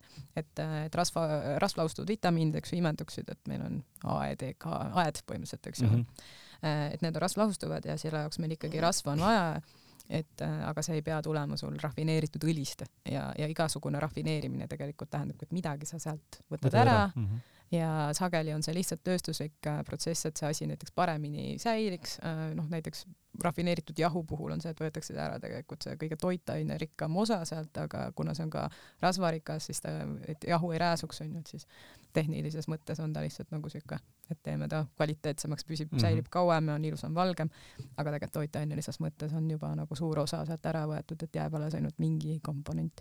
et, et alati nagu loodus annab meile selle terviku aga, aga siis, kui me ei osanud seda nagu eraldada, äh, siis me, me oleksime ilmselt võinud elada nagu tervise mõttes äh, sellel ajal nagu pikalt, aga siis olid meil muud probleemid, eks ju, igasugused, siis olidki nakkushaigused ja näljahädad ja, ja sõjad ja asjad. ja siis tuli see mõõk tiiger sealt või mõõkhambuline tiiger sealt põõsast mm -hmm. ja sõi lihtsalt sinu ära, onju, et noh, ja, ja noh, mingi hetk muidugi sõjad, et, et lihtsalt inimeste eluiga oli sellepärast äh, väga palju lühem, imikusuremus ja kõik see, eks ju aga, aga mitte tingimata sellepärast, et me oleksime, sellel ajal me ei toitunudki nagu väga halvasti ilmselt mm. -hmm. halvasti toitusid mõisnikud näiteks, kui Eesti ajalugu vaadata, et mõisnik oli ju paks ja haige mm, -hmm. talupoeg oli ju terve. aga mida talupoeg sõi, onju, põhimõtteliselt sõi mingi körti ja mingit teravilja ja basic asju. kapsast ja mm, -hmm. jah, uba. pluss ta oli väga aktiivne ilmselt ka oma füüsilise mõtte, igapäevaelu mõttes mul äh, tuli selle pi piimateemaga tuli siin, panin kirja eile siin nagu mõned punktid, mis ma nägin, mis ma olen nagu mõnedest äh, kohtadest viimasel ajal just nagu teada saanud, mis puudutavad mikrobiomi ja sa, me oleme siin korduvalt rääkinud sellest, et sisuliselt me võiksime inimese rinnapiima tänaseni juua, sest et see on meie liigine kõige omasem, onju. ja siin on siuke huvitav äh, Äh, väike lõik, et inimese rinnapiimas on HM, HMO ehk siis human milk oligosahariidid ehk siis inimpiima oligosahariidid, mis, millel puudub tegelik kalorite eesmärk, aga selles on toit lapse bakterite jaoks. ja rinnapiim on ülimalt oluline lapse soolestikule ja mikrobioomile ja oligosahariidid rinnapiimas on, on neid üle, üle saja erineva, mis aitavad lapse mikrobiomi toita. ja see nagu pani mind jälle mõtlema, et et nagu kui oluline tegelikult on, tulles tagasi selle juurde ka, et äh, alati tekib mul see võrdlus automaatselt ma nägin oma last, kes on, on tänaseni e, kolm pool aastat nüüd varsti saab, saab ikka rinnapiima veel. ja ma olen veendunud, et mida kauem ta saab, seda parem see on igatepidi psühholoogiliselt, emotsionaalselt, vaadates mingeid muid Aasia kultuure, kus lapsed magavad ka vanemad ühe voodis veel mingisugune kaheksanda eluaastane näiteks onju, et mis see tegelikult nagu teeb. ja rinnapiima puhul, et sööb küll muid asju ka, aga vahepeal ikkagi päevaks saab rinnapiima ka. ja ja oma last äh, imikuperioodis vaadates ma näen, et temast, äh, ma kogu aeg ootasin seda, et noh, millal tuleb see Michelin, see sihuke mm., sihuke voldine mm., mitte kunagi. seda, seda, seda, seda staadiumit ei tekkinudki sellisel viisil, ta oli kogu aeg täiesti normaalses kaalus, jah, ta oli imikune, rasvas, kui ma vaatan pilte, oli natuke täidlasem, eks ole, aga ta ei olnud selline, nagu mina juba noorena olin või sina või meie, kes on kasvanud üle selle peale, et meile anti võib-olla rinnapiima, lisaks anti lihapiima juba varakult, mis on täis tegelikult hormoone võib-olla on ju mingeid asju ka. Et see on nii kalori dense food siukse väikse lapse jaoks, et pole ime, et me läheme kõik selliseks noh, Michelini meheks onju. aga see ei ole tegelikult normaalne või nagu ta ei, see ei pea nii olema. ja mul on nagu hea võrdlus olnud ja ma saan jälle kinnitust, et näed ei ole vaja muretseda, kõik on näidud korras onju, sama oli meil raseduse ajal. et ei ole, noh, paljud ütlevad aga rasedus ei, siin, siin ei saa niimoodi olla onju. saab, me tegime teste, me tegime asju, kõik näidud on korras. isegi kui läks see ferritiin vahepeal madalaks, siis me sõime lihtsalt melassisiirupit rohkem mm. See aitas meil väga kiiresti kikkida üles selle jälle onju, taastada, et muidugi see on inimesed erinev, ei ole nii mustvalge. aga ma lihtsalt saan kogu aeg kinnitust, et tegelikult ei ole vaja muretseda, et taimetoit kuidagi sind kahjustab või, või sulle mm. halba teeb, et siin on lihtsalt üha rohkem ja rohkem ja rohkem tuleb kinnitust, et siin ei ole nagu teist paremat äh, või isegi võrdväärset nagu allikat, mis võiks olla see, et inimene võiks igapäevaselt, igapäevaselt oma keskkonnas süüa või tarbida mm aga see, mis sa rinnapiimast rääkisid, on tegelikult, äh, seal on veel eraldi nüanss, on see, et äh, rinnapiima koostis sõltub ka ju ema toitumisest mm. -hmm et, et ma arvan, et noh, ma olen, mul on, ma olen sellises eas, et mul on ümberringi päris palju lapsi ja ma nõustan ka vegan lapsevanemaid, et kellel on mure näiteks oma lapse toitumise pärast, et noh, tihti on niimoodi, et veganitele vaadatakse ikkagi kogu aeg otsa, et et ma ei tea, su laps köhatas, et see on sellepärast, et ta on vegan onju, mhm. aga kui sa oma lapsele viinerit ja ma ei tea, friikartulit annad, siis nagu see on see on nii okay. normaliseeritud ja aga, aga see, et noh, naised ja naised teavad ilmselt paremini ja et, et tegelikult rinnapiima mm, koostis ju muutub ka vastavalt lapse arengule, mhm. eks ju, sellele, sellele, kui, kui tihti ta nii-öelda rinda saab, eks ju. isegi vastavalt alguses... haigusele, kui laps on haige, siis ta hakkab hoopis teist rinnapiima tootma, kus on sees juba antikehad ja muud asjad ka. just, et tegelikult on, on see noh, ja mõnikord räägitakse ka sellest ka, et rinna, rinnapiim on ju loomne, et see ei ole vegan onju mm -hmm., et noh, see vist on õnneks nagu kaob juba ära, et see ikkagi on väga-väga veganluse põhimõtetega kooskõlas, et rinnapiima lapsele anda aga ja, et tegelikult see on üks üks kõige ju, see on ju imikule esimene ainuke toit ja ta peab tagama tegelikult kõik vajalikud äh, toitained ja sealhulgas kõik antikehad, äh, noh, nii-öelda tagada seda immuunsust äh, ka lapsele, et noh, keha alles ju tegeleb sellega, et oma immuunsüsteemi üles ehitada. et ja, et see koostis ja see, mis põhjuseks ja miks äh, segatoitlaste lapsed ka tihti, et see kasvukõver on tegelikult ka ju valdavalt segatoitlaste laste pealt äh, tehtud, et et seda kasvukõverat on aegade jooksul ka nihutatud üles, ülespoole selles mõttes, et et lapsed on läinud ajas nagu suuremaks ja mm -hmm. raskemaks, aga see on ilmselt nagu päris tugevalt ka seotud sellega, et need äh, imetavad emad, nende toitumine ja see piima koostis on sedavõrra nagu nagu toitaine või ütleme isegi energiarikkam ja, ja Ram, rammusam lihtsalt. just, mhm. et tegelikult et mõjutab päris palju ja ma olen viimasel ajal ka kokku puutunud päris palju sellega, et kui lastel on mingisuguseid äh, lööbeid või allergiaid nii-öelda rinna, rinnaimikutel, et siis see on ju väga tugevalt seotud ema toitumisega, et kohe, kui ema oma toitumist muudab, siis tegelikult on võimalik äh, vabaneda, noh, isegi gaasid nagu öised äh, või noh, mhm. need mulsutamised on ju, et päris palju äh, ikkagi imiku tervis sõltub sellest, mida ema sööb ja, ja noh, jällegi kogemus nagu kuidagi näitab, et, et tihti on see, ongi lehmapiimatooted, mis tekitavad lastele, imikutele nagu probleeme söödamises. et kui ema jätab ära, siis lapse tervis kohe hoopis mhm. teine, igasugused lööbed samamoodi. enne kui läheme edasi, mul tuleb, tuli meelde niisugune asi ka, mul on mõned korrad öeldud ja ma tean, et see, on levinud äh, üsna levinud selles mõttes argument või kuidagi niisugune nagu noh, mitte ainult nähvav vastulause, aga see tuleb, noh, see tuleb inimeselt emotsionaalse poole pealt, et on arusaamatus või raske mõista, miks veganid näiteks ei anna oma lastele mingeid asju või noh, samamoodi üritavad siis nii-öelda veganlust peale suruda lapsele. ja mul on enda pereliikmed kunagi öelnud ka, et aga miks sa surud oma lapsele veganlust peale, et kus sa tegelikult tahaks süüa liha, eks ole. noh, mul on alati see küsimus, et aga miks sina surud peale oma lapsele liha ja mm. piima, kui sa mm. võib-olla ta tahaks ka midagi muud süüa et me tihtipeale ei suuda nagu teist üldse, teise seisukohta nagu mõista või, või aktsepteerida, sest me ei suuda ennast panna nagu samasse rolli, me oleme nii noh, enne seesama bias on ju nii kallutatud ühele poole ja me oleme niimoodi harjunud ja nii on elatud ja nüüd tuleb keegi, kes raputab seda meie maailma, onju. et äh, ma täitsa saan aru, kust inimestel on hirmud, aga ma tahaks nagu julgustada, et, et uurige, lugege ja, ja katsetage ise, et, et oma, oma keha selles mõttes, oma tervis või oma äh, tervislik seisund või, või see tunnetus, see on ju kõige parem äh, peegel, kuidas näha, kas see toit toitub või toit, toimib või ei toimi, onju, et mm. Keegi võib sulle öelda, et äh, mina söön ainult puhast liha ja õhtul võtan sinna kõrvale, ma ei tea, ühte vetikat ja ühe kartuli ja see on minu dieet, onju, noh, et fine by me, kui see sulle töötab ja sa oled tervislik ja suudad seda, ma ei tea, mingeid IGF-1 kasvuhormoone või mingeid vähki tegevaid hormoone all, all hoida on ju kuidagi balansis. ma tean, mul on tuttavaid sõpru, kes päriselt on nagu väga teadlikud ja söövadki punast liha, eks ole, aga nad samal ajal kompenseerivad kaumiilide muude asjadega, hoiavad kuidagi tasakaalus oma näit-, näit-, näite nii-öelda mm.. noh, okei okay. mm., ma näen, sa oled selles osas nagu, oled nagu tervislik enam-vähem, onju. et inimesed ise peaks ise kogema, ma arvan, rohkem mm mitte kartma nii väga seda mm,. ma tahaks tegelikult sõnasabast kinni haarata, minna tagasi selle maailmavaate juurde korra, et, et, et sa ütlesid, et noh, ja ma olen ka seda päris palju kuulnud, et, et miks need veganid, eks ju, tahavad oma maailmavaadet äh, peale suruda, onju, mhm. aga see on, see on, see on niisugune filosoofiline lähenemine on ka asjale, et et äh, võib-olla osadele tuleb tuttav, võib-olla sulle endale ka Melanie Joy on äh, üks selline psühholoog, äh, kes on veganluse teemasid arutanud ja räägib karnismist, et on selline nii-öelda valdav maailmavaade, eks ju, mis on mhm. vastandlik veganlusele, aga see on nähtamatu selles mõttes, et on, me, me ei tunnista seda kui maailmavaadet, et me näeme tunnistame veganlust kui maailmavaadet, eks ju, et need inimesed teevad midagi, suruvad oma maailmapilti oma lastele peale, aga tegelikult kõik ülejäänud suruvad oma maailmapilti ju teistele peale, eks ju, seesama mm -hmm. karnism, aga ta on nähtamatu, sest et ta on nii normaliseeritud. Melanie Joy räägibki tegelikult kolmest N-ist, ta räägib, et miks me sööme liha, on eks ju natural uh,, normal and necessary, et need on põhilised, eks on loomulik uh,, uh, vajalik ja mis see siis see kolmas nüüd oli? Looduslik või natural, et see on nagu, et äh, noh, see on nähtamatu onju, et ja sellega õigustatakse seda tihti, aga tegelikult me teeme seda alati, me teeme ükskõik, kuidas me oma lapsi kasvatame, me surume oma maailmavaadet peale see ei mhm. ole toitumine ainult. see on see, kas sa ütled nagu naabrile tere onju, kas sa murrad puu küljest oksa onju, kas sa viskad prügi maha, see on, see on omamoodi maailmavaade ja me surume seda tegelikult alati oma lastele peale, et noh, et ja see tundub ainuõige viis tegelikult, et me kasvatamegi oma järeltulijaid vastavalt oma väärtussüsteemile ja noh, niimoodi me oleme alati teinud ja ilmselt jääme alati ka tegema mm. -hmm. ja siis mingil hetkel on see, kus võib-olla tõesti laps otsustab, et aga mina tahan nüüd prügi maha visata mm -hmm. ja, ja siis ta hakkab seda tegema, onju, kuigi teda on kasvatatud võib-olla teistmoodi. ja sama on toitumisega.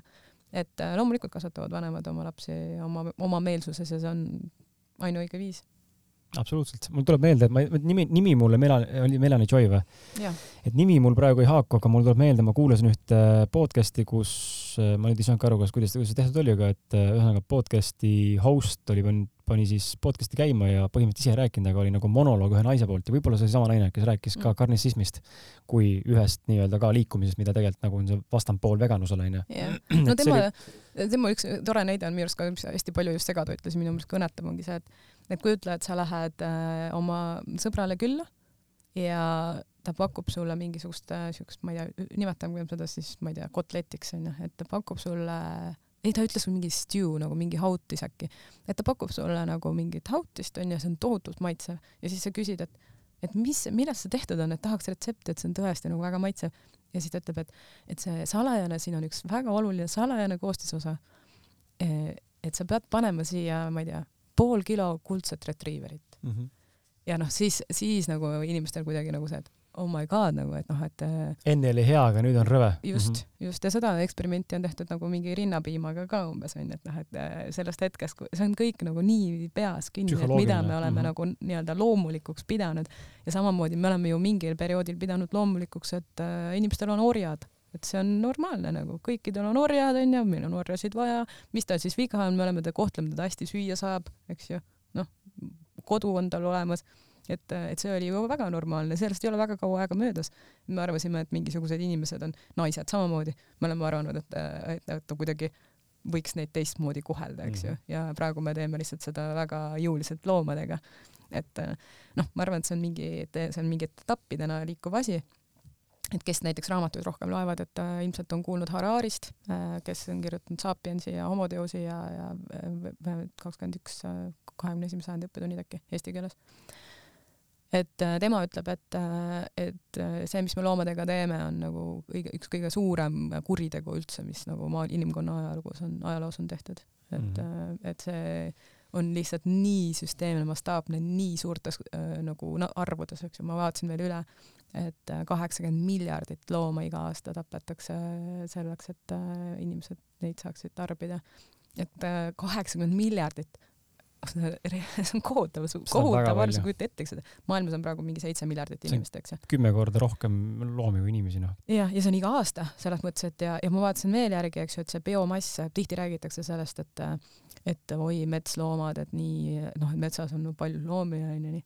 metsas on kuus protsenti maailma bio, loomade biomassist on metsas nagu, metsikuid loomi, kuus protsenti üheksakümmend neli protsenti on kariloomad mm. -hmm. ja et noh, kui me sinna paneme veel näiteks kaheksakümmend miljardit on ju, kui sinna panna kalad juurde, et siis see tõuseb mingi kahesaja miljardi peale, et lihtsalt noh, see on tohutu koormus nagu nii keskkonnale äh, kui noh, mõelda, kui ma ei kujuta lihtsalt ette nagu seda seda massi ja loomi ja mm, -hmm. ja mismoodi see käib, eks ju, et noh, see on, kui on nii suured arvud, see noh, vaadake Earthlings'i, vaadake Dominioni, et võib-olla avab kuidagi silmi, et, et mina ei suutnud vaadata Earthlingi ma mäletan, ma ei suutnud ma, ma mäletan, ma kunagi vaatasin ja siis läksin nende kolme, kolme N-i juurde nagu mingi nädala aja pärast tagasi, noh, kõik ju söövad ja, ja siis võttis nagu aega natuke, et äh, aga noh, täna, täna ma seda Dominioni ma ei suutnud ka vaadata, et pole nagu vaja ka, et äh, üsna nagu teadlik sellest.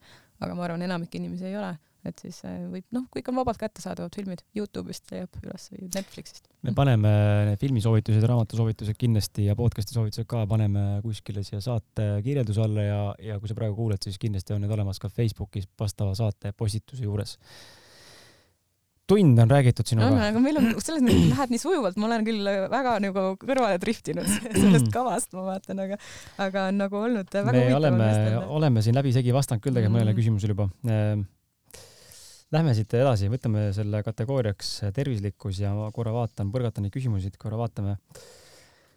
et äh, sellest me juba rääkisime, okei okay. mm.. see on huvitav küsimus, ma arvan, võtame selle, et ähm, just nimelt see, kuidas kirjeldaksid sina tervislikku inimest või tervisliku inimese prototüüpi, et äh, mida sina isiklikult igapäevaselt või regulaarselt järgid, et veenduda enda tervislikkuses või toidulaua terviklikkuses ja, ja ja, ja kindlasti see pool ka siia juurde tuua inimestele, et mõtteainet jälle, et, et aga miks mul seda vaja on? miks mm -hmm. ma, miks ma peaks üldse tähelepanu pöörama, see küsimus tuleb sellest, et ma mäletan, mu isa ütles mulle kunagi, tegi nalja väiksena. kui väike, mul tuleb meelde, ma ei mäleta, mille peale tegi seda nalja, aga kuskilt tuli see nali ja mul aeg-ajalt tuleb see meelde endale nagu, et aga äkki sa, Kris, nagu peaksid võtma vabamalt nagu päriselt. ja siis on see, mul tuleb see teadmine, see info, mis ma olen õppinud, see kogemus on ju, et tegelikult mm, mm, mm, mm, mm, mm, mm, niimoodi, ainult niimoodi ma saangi elada saja või saja viiekümnes või isegi kahesajane näiteks mm. oletame onju. et võib-olla mina päris kahesajani ei pane, aga kindlasti rohkem kui keskmine. isa tegi siukse nalja alati mulle, et aga miks ma pean toituma tervislikumalt või, või mitte jooma või mitte suitsetama, kui inimesed, kes on tervislikud, surevad varem teinekord kui need, kes on haiged. Ja seda on olnud ja, ka tegelikult, et noh, sa oled terve elu tervislik onju, hullult näed vaeva ja siis on mingi vend, kes paneb tina, paneb suitsu täiega mm. ja teeb elupäeva lõpuni seda ja paneb üle saja. jaa, see neid ikka, neid inimesi näidatakse küll telekas, et no need saja, sajaaastased, kes ütlevad iga päev võtan pitsi viina ja tänu sellele. paks suitsu ja siis, ja siis ma söön ainult liha viimased kümme aastat näiteks noh et, et siis tegi küsimuse, et aga miks ma siis üldse pean olema tervislik yeah., kui on võimalik ka niimoodi elada saja viiekümne aastaseks näiteks või viiesaja aastaseks? no tegelikult neid ju sellepärast telekas näidataksegi, et nad on erandid onju. -hmm. et tegelikult äh, see inglise keeles võib-olla isegi kõlab natuke parem või eesti keeles, et, et ta mitte ei elanud nii kaua äh, tänu sellele, vaid selle kiuste mhm. onju et, et see on noh me ei tea, kuidas ta oleks elanud siis, kui ta oleks äh, mitte joonud seda pitsi viina või seda suitsetanud seda pakki päevas aga mis nagu näitab äh, statistika, on tegelikult see, et inimeste eluiga küll tõuseb, eks ju, keskmine, aga kvaliteetsete eluaastate arv nagu väga ei tõuse, et see tõuseb selle arvelt, et me suudame inimesi hoida kauem elus, aga nad tegelikult ei ela kvaliteetselt. ja see ei ole elu enam jah, sellisel juhul. et, et selles mõttes mulle endale tundub, et äh, see võikski olla see põhiline argument, miks äh, noh, miks nagu oma tervisega tegeleda, on see, et okei okay,, täna jah, täna see ennetuse teema ongi alati see, et sa ei näe seda tulemust kohe mm. -hmm. et see ei ole niimoodi, okei okay,, selles mõttes näed kohe, et kui sul kõht kinni, sa hakkad rohkem äh, kiudainet sööma, siis sa saad kohe aru, et sul on nagu kõht nagu korras, eks ju.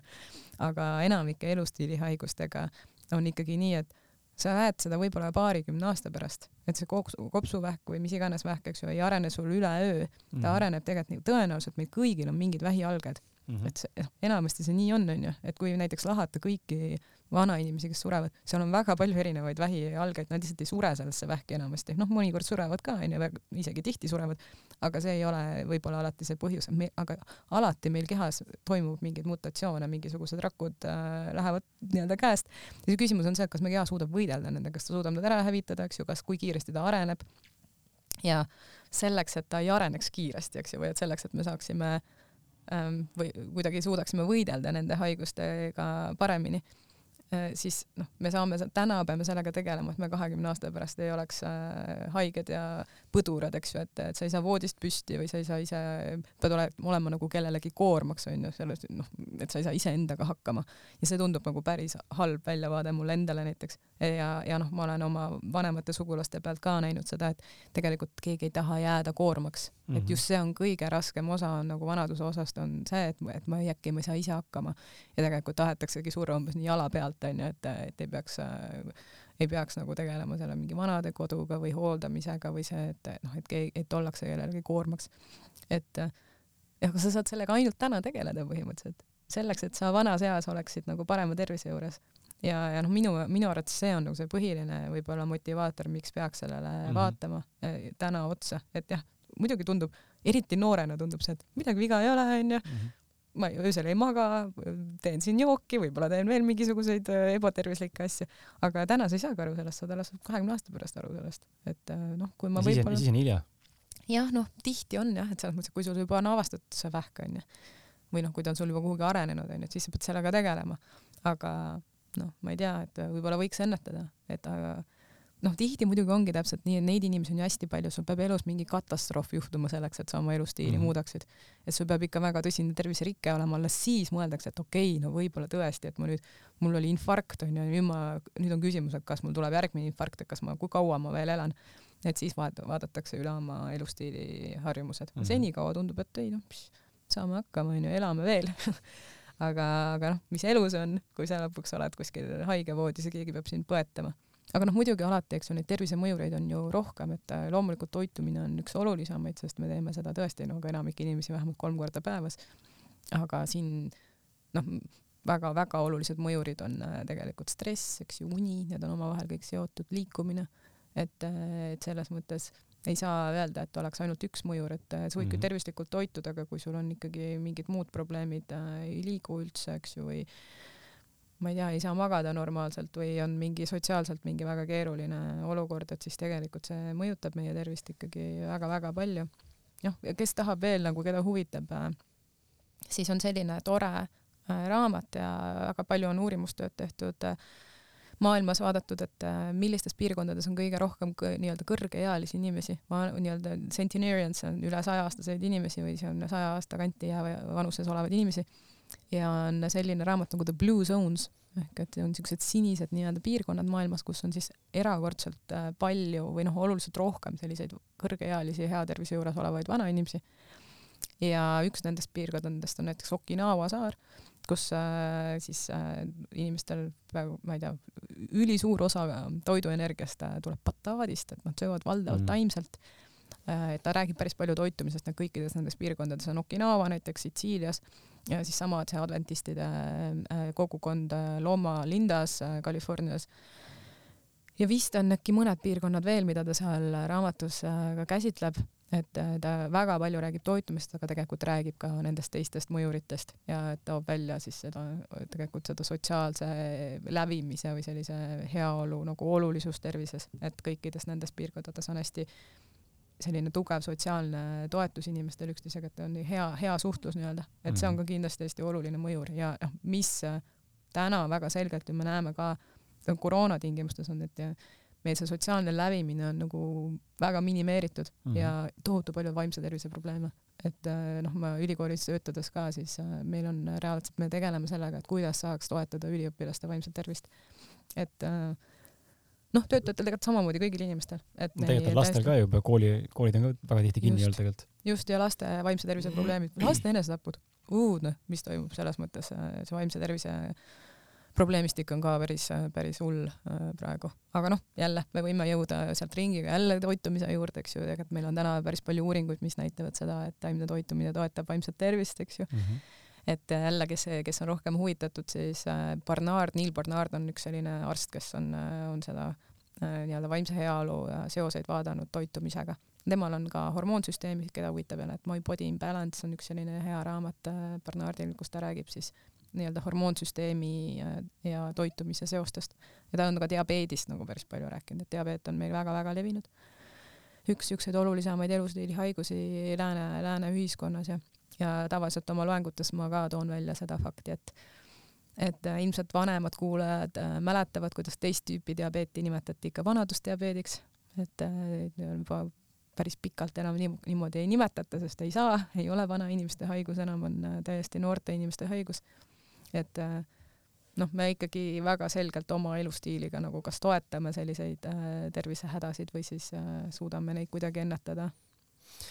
Täiendan sind selle koha pealt, et mul tuli sind kuulates praegu meelde ka see pool, et viimasel ajal väga palju puutun ka tööalaselt kokku mikrobiomiga, meie soolestikuga ja, ja siis ma olen kuulanud ka neid gastroenterolooge, kes on toonud nagu välja näiteid ja huvitavaid just nagu selle koha pealt, et Ehm, kuidas mikrobioom mõjutab meie noh, psühholoogiat, tujusid, emotsioone, kõiki neid hormoone samamoodi, et ja kui me räägime sellest, et mikrobioom on korras, siis mikrobioom saab korras olla siis, kui meil on põhimõtteliselt teadusuuringud näitavad seda ka, et ikkagi see taimetoitluse rohkus, mitmekesisus, diversity of plants nii-öelda siis inglise keeles mm.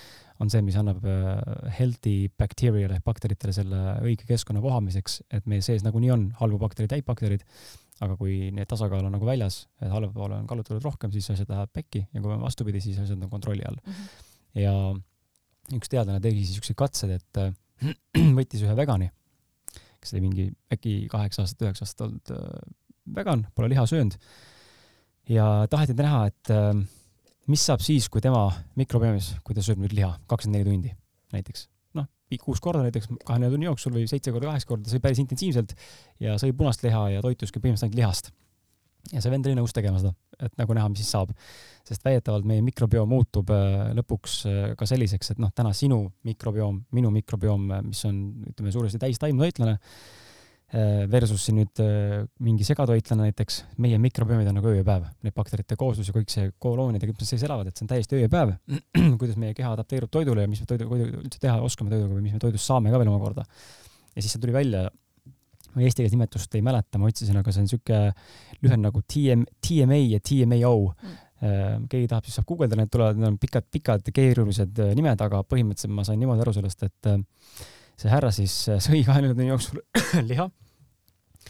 Ja tavaliselt siis liha äh, meie mikrobiomis, kui sa oled segatoitlane, äh, siis liha ise ei olegi niivõrd öö, äh, otseselt nagu kahjulik või tekitaja, vaid see mikrobioom hakkab nüüd seda liha töötlema ja sealt tekivad mingisugused öö, jääkained, mis omakorda siis liiguvad tagasi maksa, nagu ma aru sain, kui nad ei suuda väljuda sellest soolestikust äh, täielikult äh, nii, nagu vaja oleks. Ja selle tulemusena tekkis siis T, TMA-st tekkis TMAO ja see TMAO on põhimõtteliselt algstaadium viiele Ameerikas levinud, kõige levinuma haigusele, mis nagu tapavad inimesi, mis iganes haigused olid, kas vere-soonkonna haigused või mingisugused südamehaigused ja nüüd taimetoitlase mikrobiomis äh, siis see uuring näitas seda, et mikrobioom ei osanud tekitada lihast DMA-d ja jäin see DMA, mis siis lihtsalt ei olegi üldse ohtlik meile, vaid põhimõtteliselt äh, taimetoitlane ei olegi võimeline oma mikrobiomiga tootma seda kahjulikkust, mis viiks talle siis tervisehädadeni välja. küll aga see muutuks, kui nüüd järjest paugutaks selle liha, onju, siis see kindlasti muutub, äh, üsna kiiresti muutub mikrobioom.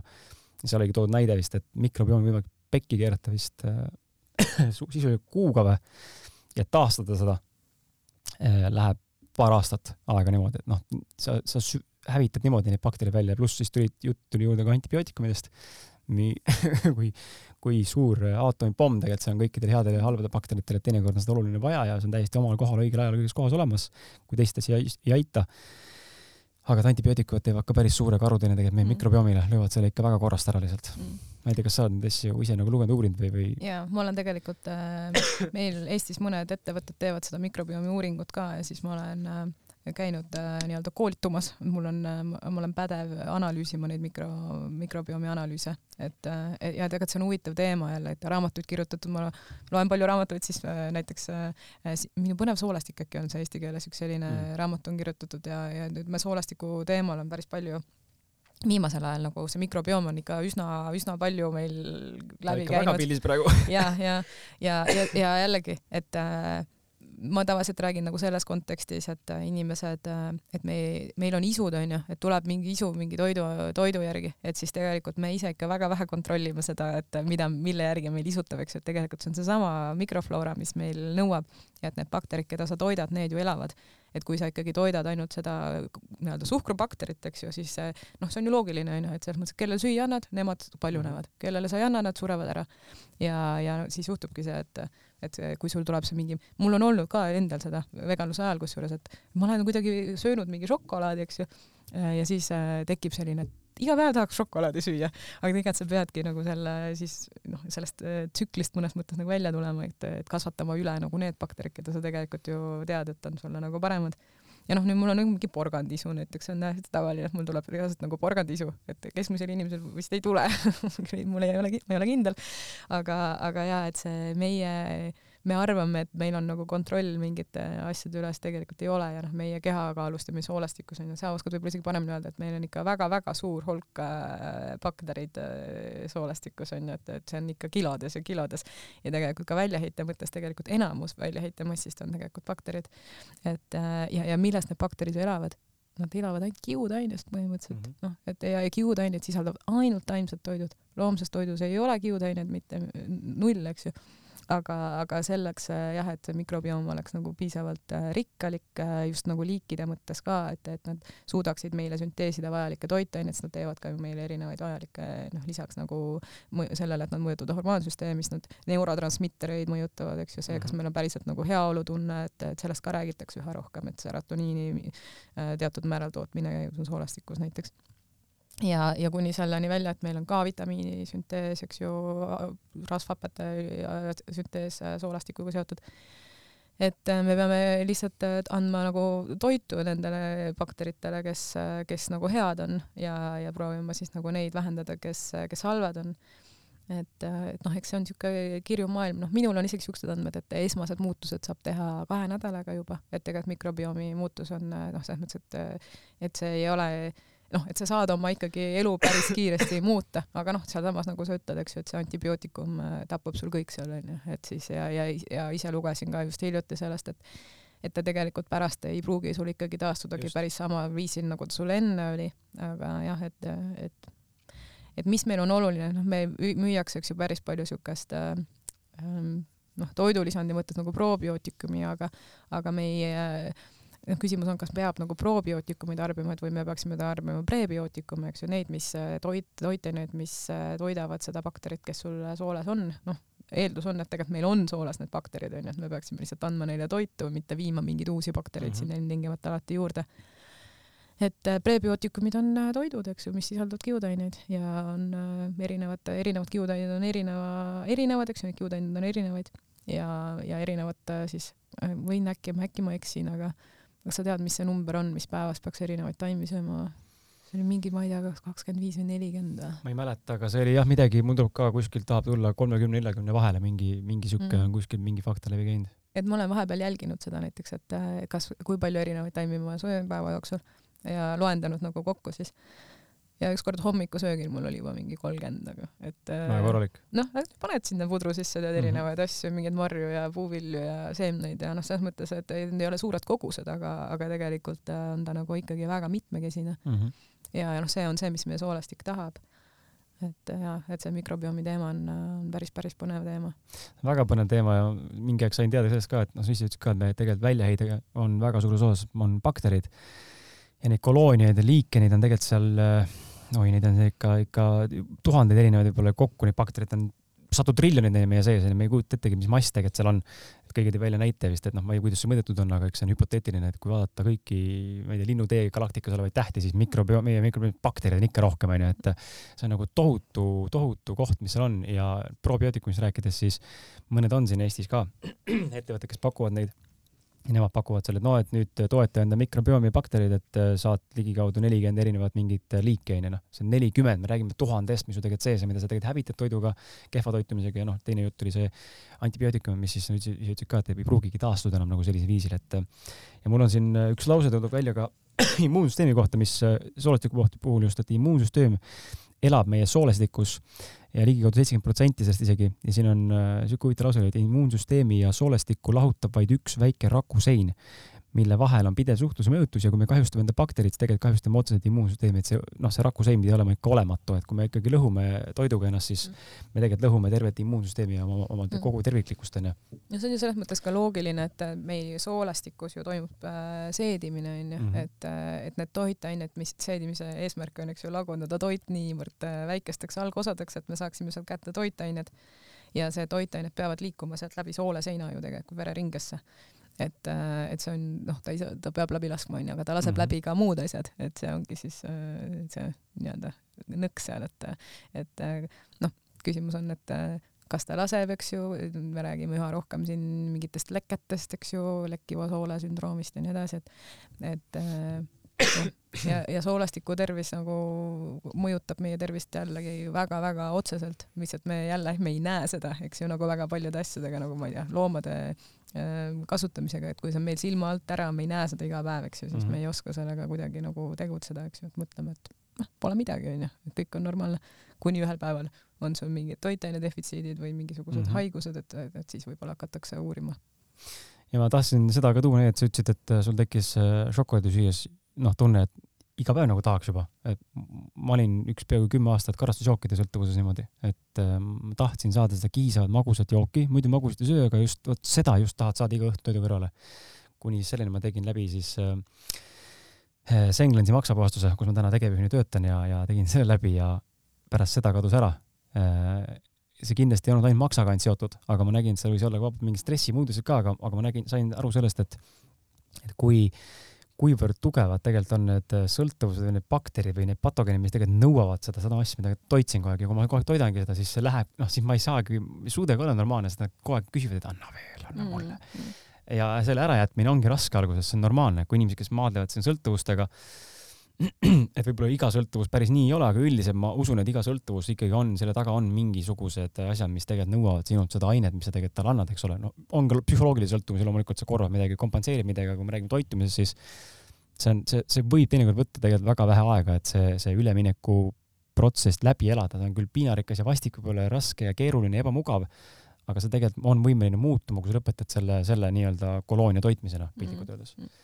noh, muidugi sõltuvustel on tegelikult äh, väga tihti ja on äh, nagu mõlemad komponendid mm, -hmm. et oleneb ka sõltuvusest, aga et on noh, see psühholoogiline komponent võib isegi nagu tugevam ikkagi tihti olla, olenev, ongi olenevalt siis sõltuvusest -hmm. et et noh, muidugi suhkru ja näiteks piimatoodete puhul ka väga selgelt, seal on ka see füsioloogiline nagu komponent või see füüsiline, et sul on reaalne füüsiline võõrutus, mul on kohviga olnud reaalselt füüsiline võõrutus niimoodi, et sa saad äh, aru, et midagi on nagu noh, et su keha on harjunud saama kofeiini onju ja kui ta mhm. siis ei saa, siis on nagu jama onju, et siis saad aru, et ei, see ei ole tavapärane situatsioon praegu.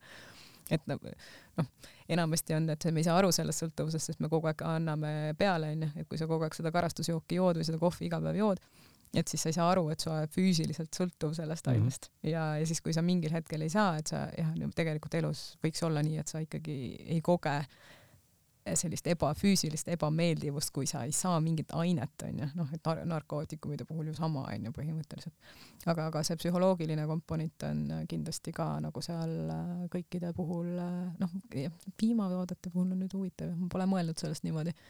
aga noh, seal ma tahan sellest piimatoodetest vist natuke rääkida, sest mul on mõned äh, sellised tuttavad, kes äh, tahavad taimselt äh, toituda ja siis ütlevad, et aga see juust on ju, et see juust on nende taimetoitlaste nagu põhiline häda on see, et ei suuda juustust loobuda, et liha ja kõik on ju, et saab, aga juustuga on nagu erakordselt keeruline, sest et seal on midagi mm. -hmm. ja see, selle kohta on isegi jälle, keda huvitab, võib vaadata Cheese Trap on mm, -hmm. minu arust oli isegi Lail äkki, ta, ta võin nimega eksida praegu aga Cheese Trapi äh, otsides äh, või siis ka Neil Barnardil on, on sellest üks äh, loeng, et äh, piimast me peamegi sõltuvad olema, et selles mõttes, et imik peab olema ju sõltuv ema piimast, et ta ellu jääks ja meie kehas on äh, sellised äh, retseptorid äh,, mis siis äh, võt-, piimas on kasomorfiinid, on mhm. sellised äh, ühendid, eks ju, mis lähevad kehas samadele retseptoritele äh,, kuhu äh, morfiin põhimõtteliselt, mis tekitab heaolutunde ehk et imik peabki sõltuma ema piimast, tal peab tekkima see heaolutunne, et ta tahaks veel siukse piima mm, -hmm. et muidu ta sureb ju ära, kui ta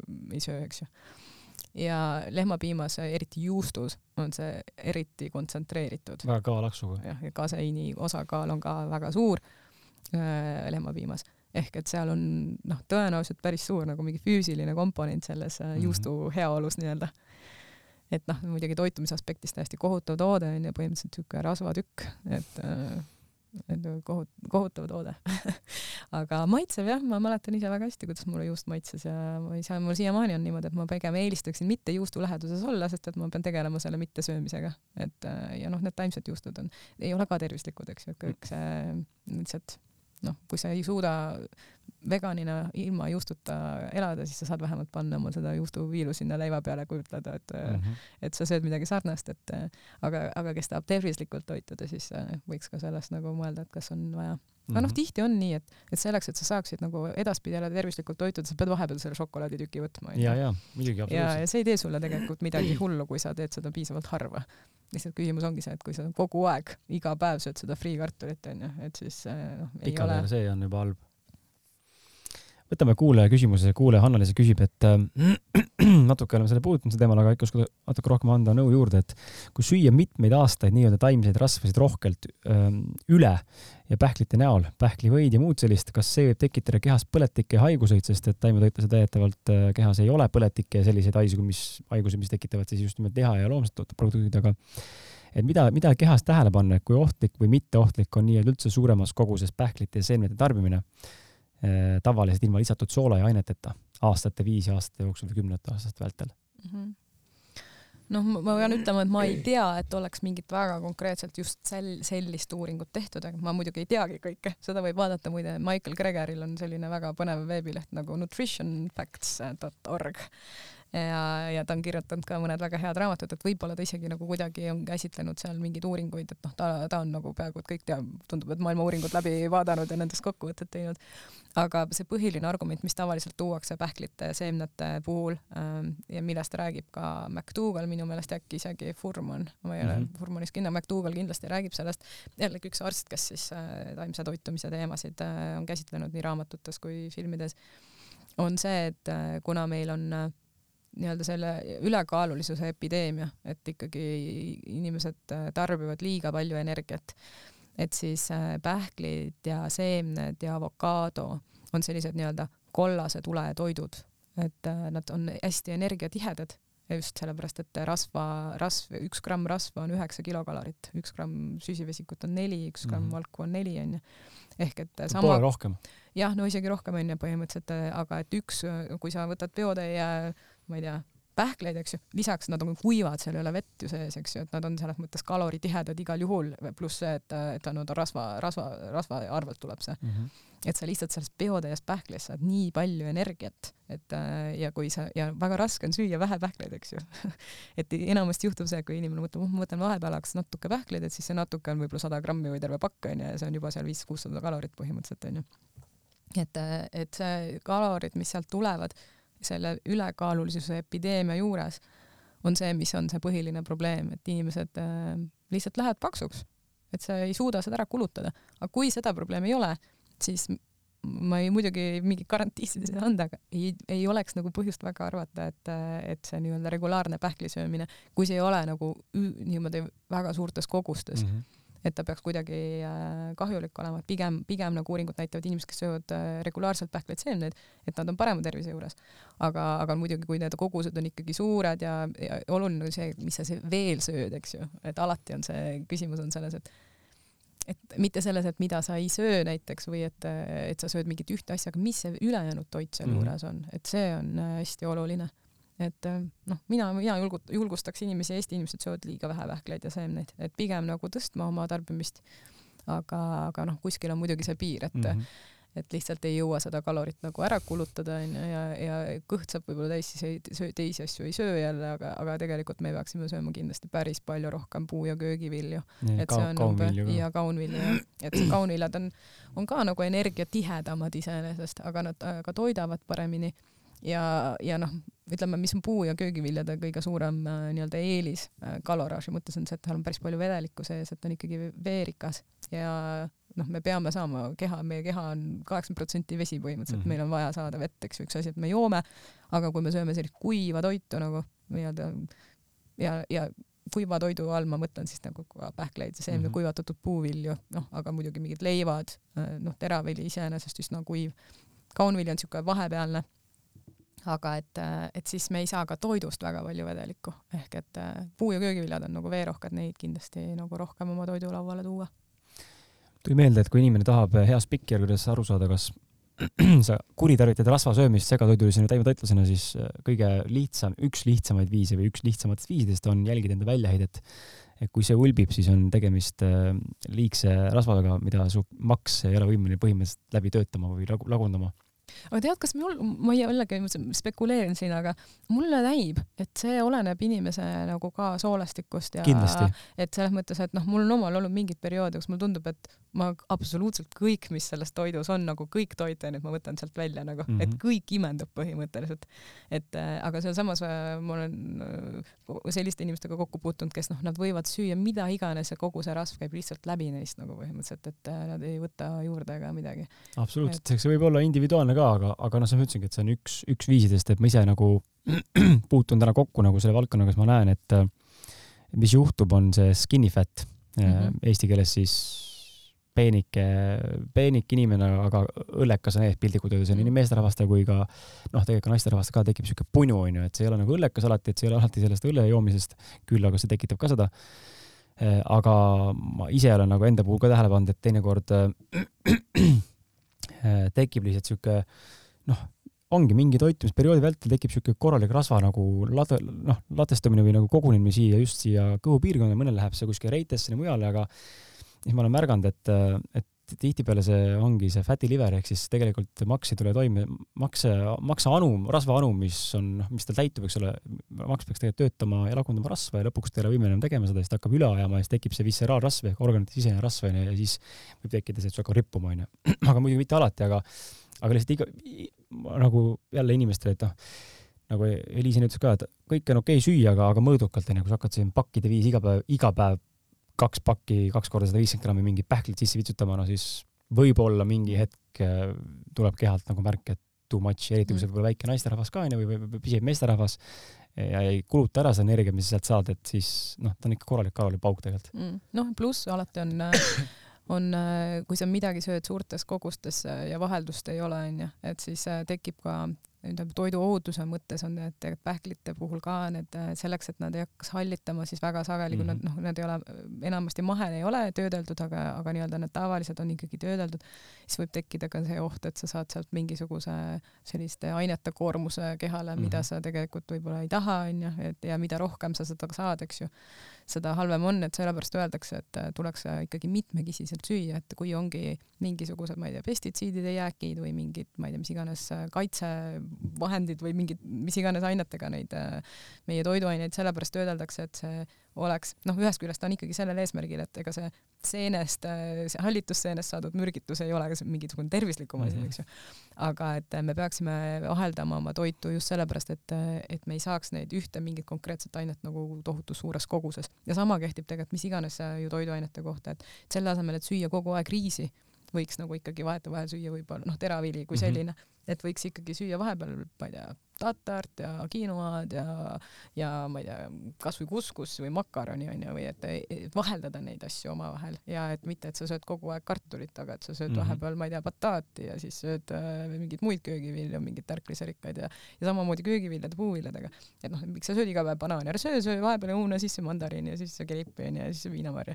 et noh, et, et see vaheldus on see, mis äh, tegelikult tagab ühest küljest selle, et me ei saa liiga palju igasuguseid äh, jääke, mis äh, paratamatult siukest tööstuslikust to tootmisest tuleb, aga teisest küljest, et me saame rikkaliku valiku erinevaid toitaineid. mitmekesise siis mm -hmm.. jah, et, äh, et meil on vaja ikkagi noh, ühtegi asja ei peaks sööma nagu nii, et ma söön ainult ühte asja mm, -hmm. kuigi see on väga huvitav jälle, on ju selliseid inimesi, kes on teinud seda, et nad on mingi aasta aega, üks tüüp sõi terve aasta, sõi ainult kartulit ja tal oli mingi tohutu tervisenäitajad olid väga head, oluliselt paranesid, kui enne olid, peaks selle juhtumi täpsemalt üle vaadata, aga vaatama, aga jah, oli siuke mees ja noh, on võimalik, aga ma ei tea, mismoodi see täpselt äh, käib. noh, ma arvan, et kartul on selles mõttes nagu veel nagu mingi okei okay asi ilmselt, mida teha. ja, ja väga huvitav veel, ma vaatasin järgi, keda huvitab ka, et näiteks aminohapete teemas, et Eesti Vegan Seltsi lehel on hästi palju põhjalikku informatsiooni, et kõik faktid ja allikad on juures ja siis sealt äh, leiab näiteks aminohapete kohta selliseid tabeleid, et see on üks asi, mida tihti tuuakse välja, kui taimetoidus oleks äh,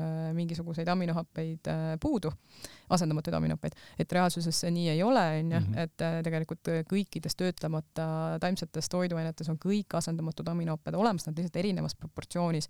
et seda, mida näiteks kaunviljas on vähe, onju, seda on teraviljast palju ja vastupidi. Mhm. et kui me sööme mitmekesiselt, siis me saame kõik asjad kätte ja seal on huvitav selline tabel ka, et, et kui peaks olema nii, et ma sööngi ainult ühte toiduainet, et noh, mida ei juhtu tegelikult, noh, see, see mm -hmm. tüüp oli, kes sõi ainult kartulit, onju.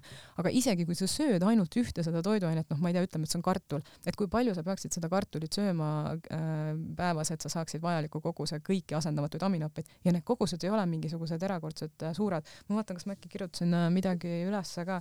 minu arust ma isegi kirjutasin, oota ma vaatan mm jaa, ma leidsin isegi üles. no näed, et kui me sööksime ähm,, mis see siis on siis, mis siin, mille kohta ma kirjutasin? hernes näiteks, kujuta ette, et sa sööd ainult hernest nagu mm, -hmm. et siis selleks, et äh, et sa, et sinu energiavajadusele vastavalt, eks ju, et sa sööd oma kaloraaži täis päevas, et siis ainult hernest süüa sa saad äh, kõiki asendamatuid aminohappeid umbes sihuke kakssada kolmkümmend protsenti vajalikust määrast et selles mõttes, et sa mitmekordselt ületad selle tegelikult vajaliku koguse. no ma kujutan, ma kartulit küll ei vaadanud, see tuli mul praegu siin niimoodi pähe, aga ilmselt seal on kartul ka seal tabelis olemas, et ma kujutan ette, et see kartuli, kartuliga on samamoodi, et sa saad mm -hmm. tegelikult kõik vajalikud ained kätte, sa pead siis sööma reaalselt nagu oma mingi, ma ei tea, kaks tuhat kalorit siis äh, kartulina. et sa pead kaloraaži täis sööma, et kohe, kui sul tekib nagu toit äh, nagu noh, nii-öelda alatoitumus nagu toit. defitsiit jah. jah, et siis, siis on keerulisem hakata neid mm -hmm. aineid ilmselt kätte saama. aga noh, nii nagu nälja puhul ikka, ega siis, kui sa oled näljas, ega sa ei saagi siis ju toitaineid onju, aga kui sa oled ikkagi kaloraaži täis, siis ei ole põhjust arvata, et äh, midagi väga puudu jääks. aga see on nagu alati nii üllatav, sest et seda no, räägitakse et mis mõttes, et, et sa noh, et sa pead sööma liha, et saada nagu piisavalt valku, et seesama hernes annab sulle selle kalo, piisava kaloraaži puhul, siis ma kirjutasin kakssada viiskümmend kuus protsenti päevasest valguvajadusest. et äh, noh, aga normaalne inimene muidugi sööb rikkalikku valikut mhm. erinevaid mm -hmm. asju, et, et äh, jah, aga noh, ma arvan, kartuliga on ka võimalik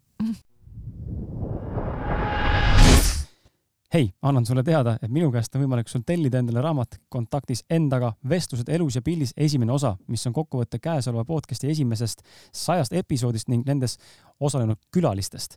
raamatus toon sinuni enda isiklikud mõtted, võtted ja ideed ning ka külaliste olulisemad väljaütlemised, millega saad sina aidata iseendal iseendaga kontakti suurendada. raamatu saad soovi korral soetada endale koos minu isikliku pühendusega läbi kriskala.com veebilehekülje.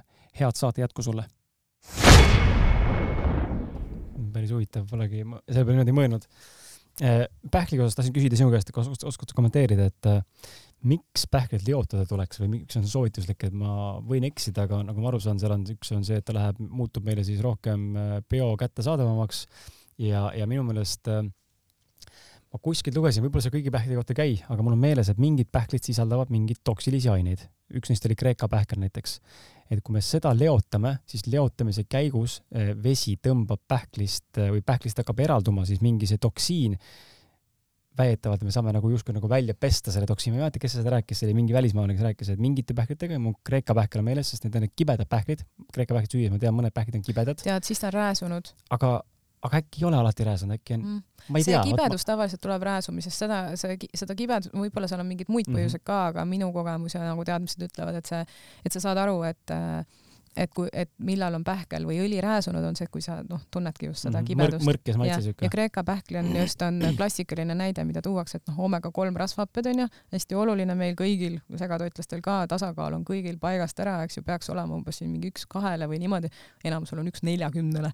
et siis selleks, et, et omega kolme peaks nagu rohkem tarbima, on ju, omega kuut peaks tarbima vähem, et see tasakaal parem oleks, et siis Kreeka pähkel on üks väga hea omega kolme allikas ja linaseemned näiteks ja linaseemneõli, aga kuna seal on nii palju seda oomega kolme, siis ta rääsub üsna kiiresti mm. -hmm. et, et alati noh, ei tasu näiteks koju osta mingit suurt kogust pähklit, et noh, sa ei, võib-olla ei jõua seda ära süüa, siis ta rääsub ja teine asi, et hoida neid pähkleid ja seemneid tegelikult külmkapis, et siis ta mm. rääsub aeglasemalt ja noh, linaseemnetega veel eriti üldse ei soovita osta juba jahvatatud linaseemnet poest, sest et enamasti noh, nad ei ringle nii kiiresti ja ta on tõenäoliselt seal poes juba nagu Seisab ära rääsunud ja -hmm. et ja samamoodi näiteks äh, linaseemneõli keegi tahab osta, tehke poes lahti, maitske juba selles mõttes, et kui ei ole rääsunud, ostad ära onju, kui on rääsunud, siis saad öelda, et noh, teda ei ole mõtet nagu müüa seal. Et nad rääsuvad ikkagi päris äh, kiiresti äh,, eriti kui seda oomega kolme on seal palju. ja linaseemnega, mida soovitatakse teha, on see, et sa jahvatad ise seemnest, noh, see mhm. seemnekest on nii paks, et see ei rääsu. Ja no muidugi, kui sa ei jahvata, siis ta käib su säulastikust lihtsalt läbi, samamoodi sa ei suuda seda kesta nagu ise seedi, seedesüsteem seda lahti sulle ei tee et siis ise jahvatada, niisugune nädala ports näiteks ära, panna purgiga külmkappi ja siis seda pudru sisse või smuuti sisse mm -hmm. või kuhu iganes. et, et sellisel juhul siis äh, saab tagada, et ta ei oleks rääsunud. aga seda, mis sa rääkisid, et äh, see on mingi aine, vot ma ei, ma, mina ei tea, et äh, aga see seedimise parandamise osa või ta seedub meil paremini, see on küll tõsi. et seda eotamine parandab küll seedivust kas me räägime siin kõikidest pähklitest või ikkagi mingitest standarditest, India pähklid, mandlid ja ma ei tea, ma ei kujuta ette, ma olen leotanud sarapuupähklid näiteks, noh, tundub ja. eriti võõras. jaa, tegelikult ta peaks ilmselt kõikidele nagu kehtima samamoodi, aga ma ei ole tõesti ka kunagi sarapuupähklit ise leotanud, aga küll aga sa oled Eestis kindlasti käinud, ma ei tea ka muidugi, võib-olla linnapoiss onju, mina olen küll sarapuupähkleid ise korjamas käinud. mul kasvab aias. aa, no okei okay., et kui sa sööd teda värskena ja niimoodi, et ta sügisel võtad puu otsast, ta on ju teise maitsega. ta on teise maitsega, ta on ma mahlasem ja vesisem. ehk et ma kujutan ette, et kui sa leotaksid sarapuupähklit, äkki ta hakkabki mm. samamoodi maitsema, võiks isegi proovida.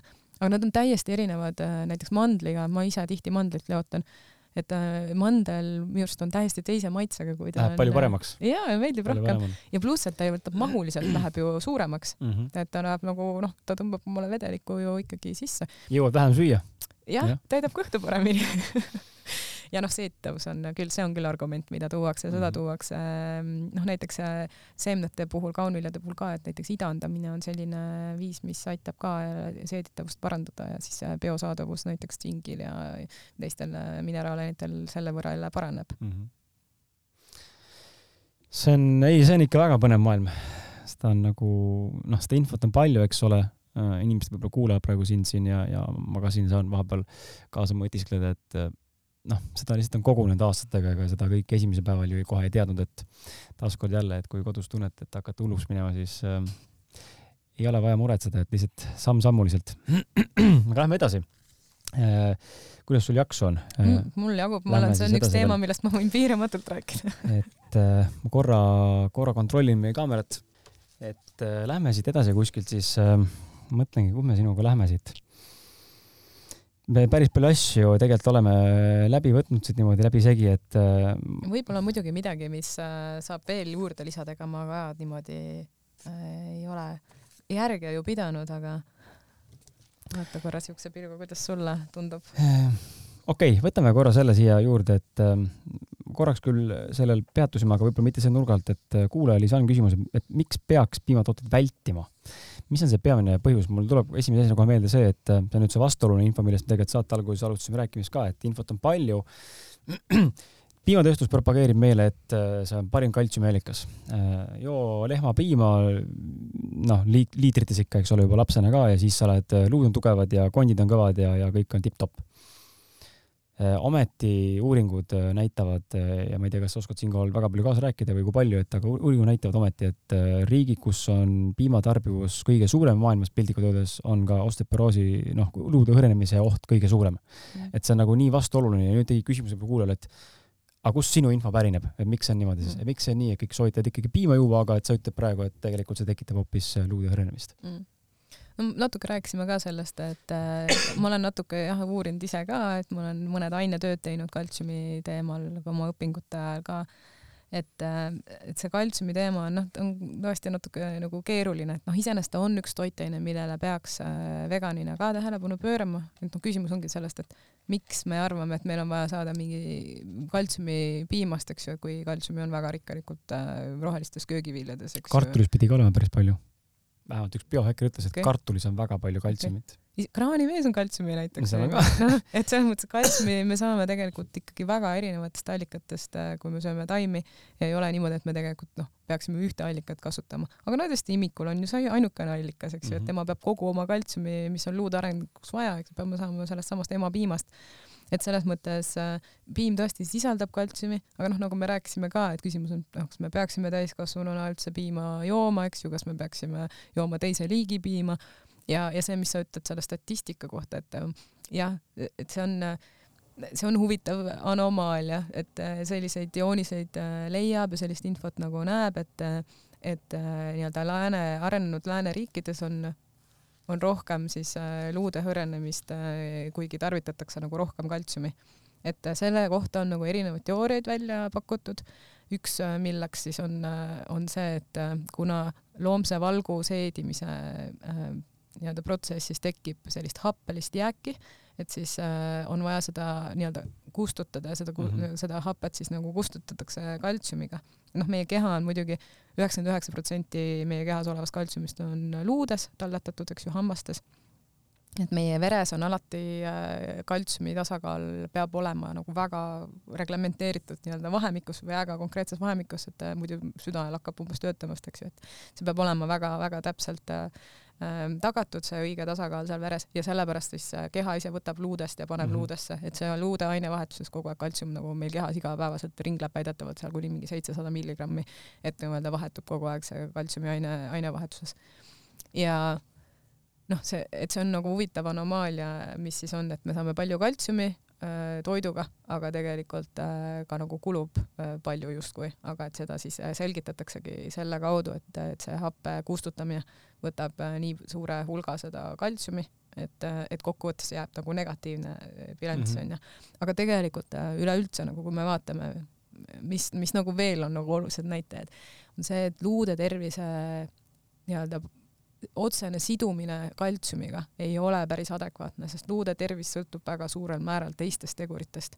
sellest, kui palju me oleme lapsena sporti teinud, äh, kui palju me üldse liigume, eks ju, näiteks luude areng toimub puhtalt nagu sellise äh, hõõrdumise tulemusel. isegi nagu põrutuse mm, -hmm. et niisugune hüppesport ja liikumine, eks ju, et lapsed võiksid batuudi peal, noh, okei okay,, seal on mingid terviseriskid, traumade riski, riskid, aga joosta ja mingit palli mängida, et, et see arendab luude tervist kõige paremini et see liikumine on tegelikult nagu väga-väga oluline, noh, et D-vitamiin, et selles mõttes, et mhm. selleks, et see kaltsium üldse sul imenduks organismis, sa pead D-vitamiini saama. noh, kõik Eesti inimesed peaksid praegu, äh, praegusel ajal kindlasti D-vitamiini võtma, tegelikult ka need inimesed, kes suvel päikse käes ei viibi, peaksid võtma D-vitamiini, sest meil lihtsalt ei ole võimalik toidust äh, saada piisavalt. et see, see D-vitamiini roll on tegelikult luude tervises äh, päris oluline Mm, seal on tegelikult neid, äh, neid mõjureid on, on nagu rohkem, äh, aga, aga jah, mis ma olen vaadanud äh, veel, et mis ikkagi see toitumise seos võiks olla ja mis on huvitav fakt lihtsalt välja tuua. näiteks erinevates riikides on erinevad toitumissoovitused ja need tulevad tavaliselt sellest, et vaadatakse selle piirkonna inimeste nii-öelda toitumist ja millised tervisehädad neid, neil esinevad vastavalt mm -hmm. nende toitumisele, eks ju ja et äh, see ülejäänud toit mõjutab siis äh, seda, kui, mis määral, mil määral, noh, ütleme Eestis on äh, soovitus on kaheksasada milligrammi päevas saada kaltsiumi, USA-s on tuhat kakssada, Indias või seal ka Kagu-Aasia mingi viissada. et noh, mhm. käärid on nagu mingi väga-väga suured käärid on, et, et mõtled ühest küljest, et inimene on ju inimene, et kuidas saab olla niimoodi, et ühel on vaja rohkem ja teisel on vaja rohkem või vähem, onju. aga seal äh, noh, see selgitus on, ongi selles, et eh, noh, me teame, et India või niisugune vähem arenenud riigid tihti on oluliselt väiksema lihatarbimisega, nad söövad palju rohkem taimset toitu, mis võib viidata, eks ju, sellele, et, et tegelikult nendel see nii-öelda vajadus ongi väiksem. me noh, täna me ei saa selle, sellele ei saa nagu sada protsenti kindel olla, et nüüd me ütleme, et Eestis veganid peaksid vähem saama, et noh, seda ma kindlasti ei ütle, et võiks ikkagi mm -hmm. vastavalt toitumissoovitusele, aga meil on põhjust arvata, et see ülejäänud toitumine mõjutab seda, mil määral meie kehal on kaltsiumi vaja toidust saada. Et noh, USA toitumine on veel hullem kui meil, eks ju, et seal see tuhat kakssada tundub nagu isegi noh, järelikult on nagu statistika arv, arvutused näitavad, et et sa pead saama vähemalt nii palju selleks, et äh, mingisugust terviseriski ennetada.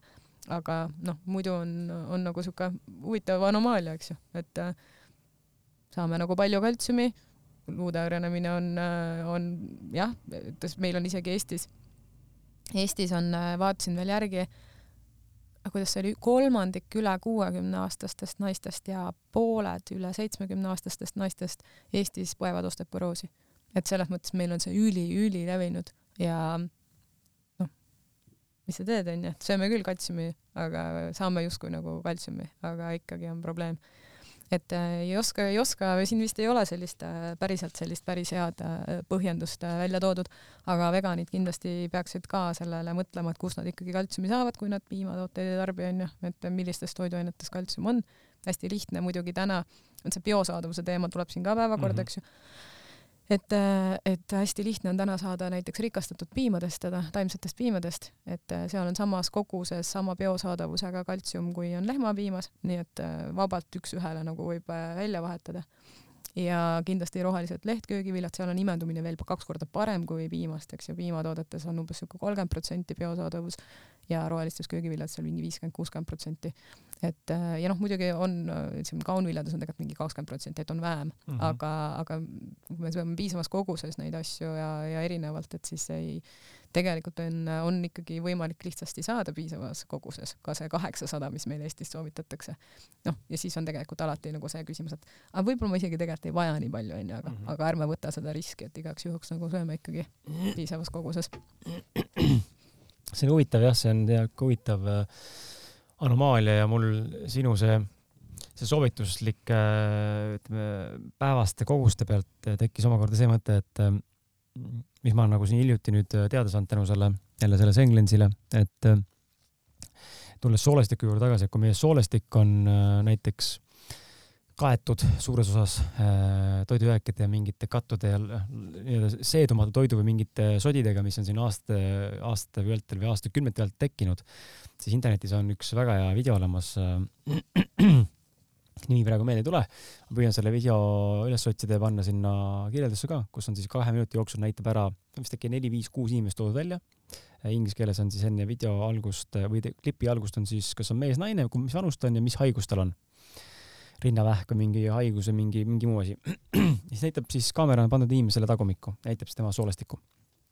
algus näitab ära, milline on see puhas, ilus roosa soolestik ja milline on olemas siis need, mis on juba omadega tuksis. ja kui seda vaatad, siis saad nagu aru tegelikult, et kui need soolestikud lõpuks on kaetud selle katu ja mingi jamaga, siis tegelikult äh, inimesed endale täna ei anna nagu selles osas aru, et äh, kui me sööme toidulisandid sisse vitamiine, mineraale, siis teinekord võib juhtuda vabalt see, et me ei ime, see ei imendu lihtsalt, ta ei saa imenduda, sellepärast et soolestik on äh, noh, ta on lihtsalt kaetud selle mingisuguse sodiga, millest vitamiinid läbi ei lähe ja sisuliselt me lõpetame staadiumis, kus meie uriin on ülimalt kallis et äh, inimesed peaks tegelikult aru saama sellest, et äh, ma nüüd ei propageeri, et minge tehke kõik endale soolepuhastust või organismi puhastust, aga fakt on see, et kui soolestik on ikkagi nii-öelda rikutud ja must ja katuga koos, noh, siis me teinekord ei saagi toidust toitainet kätte tegelikult ja me, see lihtsalt, see lihtsalt ei imendu meile. Ja see on nagu kurb koht, kus ma ise tegelikult näen ka veel täna, et ma olen terve elu olnud üli, ülikiire ainevahetusega, noh nagu part onju, et noh, põhimõtteliselt istu ja ma võin minna, ma võingi istuda potil põhimõtteliselt nagu kaev onju, lihtsalt viskad sisse ja pups, teiselt poolt välja onju ja vahel on tunne, et ma ei seedu, kõik toidud ei seedi ära mul hästi. noh, ma näen mingit tervet tükki, eks ole, võib-olla välja heites midagi muud, aga noh, seal võib-olla see pool ka, ma kugistan võib-olla nagu labrador on ju, neelan alla ja ei näri normaalselt läbi, rahulikult on ju, oma süljega ja nii edasi. ja mis ka juhtub, on ju, meil siin läänemaailmas, kõik söövad hästi kiiresti, need lõunad on ju kaks minutit ja siis on kõik, on ju, et ähm, sa ei mälu ka, vaid lihtsalt neelad, et, et me tegelikult äh, peaks väga palju tähelepanu pöörama ka sellele, mis, mis, mismoodi, kas me üldse imendume midagi või kas mm. me saame kätte üldse seda, mida tegelikult sööme, et äh, teinekord lihtsalt muidu me paneme sott kuus mingile toidulisandile ja tegelikult sellest pole üldse kasu, onju. Mm. et noh, võib-olla B12 on teine lugu, aga just need kaltsiumid, muud asjad, et mis tegelikult läbi jooksevad sealt, et mm ähm, jah, mul meenus selle jutu peale lihtsalt äh, bio, bioloogiatund kunagi koolist, et kus räägiti umbes peensoole ehitusest onju, et, et, et tegelikult see, kui sool, sool nagu nii-öelda pinda mõõta onju, et see on nagu tohutu, tohutu, sest seal on need hatud onju, kus kõik on, kuidas ta välja näeb, need toredad pildid, kus on tegelikult seda imendumispinda on nagu tohutu palju nagu ette nähtud soolestikus onju mm. -hmm. noh, mul on omal on nagu teatud siuke optimism selles suunas, et et äh, inimene, et me peaksime nagu suutma, keha suudaks nagu ise taastada seda situatsiooni, mis on optimaalne onju, aga loomulikult, kui me kogu aeg laome talle mingisugust prügi peale, et siis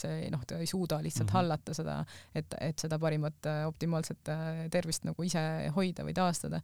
et ma ei, ma ei tea, kas, ma ei oska selle soolastiku selles osas nagu midagi väga kaasa rääkida, et, et kuivõrd tõenäoline see on, et kõik noh, et inimestel kõigil on nagu mingid imendumisprobleemid, aga, aga kindlasti mingil määral, mingil määral seda on ja noh, siin me üha rohkem räägitakse toidutalumatustest asjadest ka ja soo, läbilaskvase soolesündroomist, eks ju, et siis et seal kindlasti on midagi on peidus äh, küll, aga, aga ma arvan, et see ei ole selles mõttes, et et kõik inimesed peaks nagu muretsema selle pärast praegu, et neil, et toit ei, toitained ei imendu, mm. onju, et, et ikkagi ma arvan, et valdavas osas saame nagu kätte, aga et võib-olla see saaks olla veel parem, onju, et mm et kindlasti seal midagi on ja mida halvem on olnud nagu toitumine enne seda, seda nagu suurem tõenäosus seal on, et on mingid probleemid äh, soolastikus küll.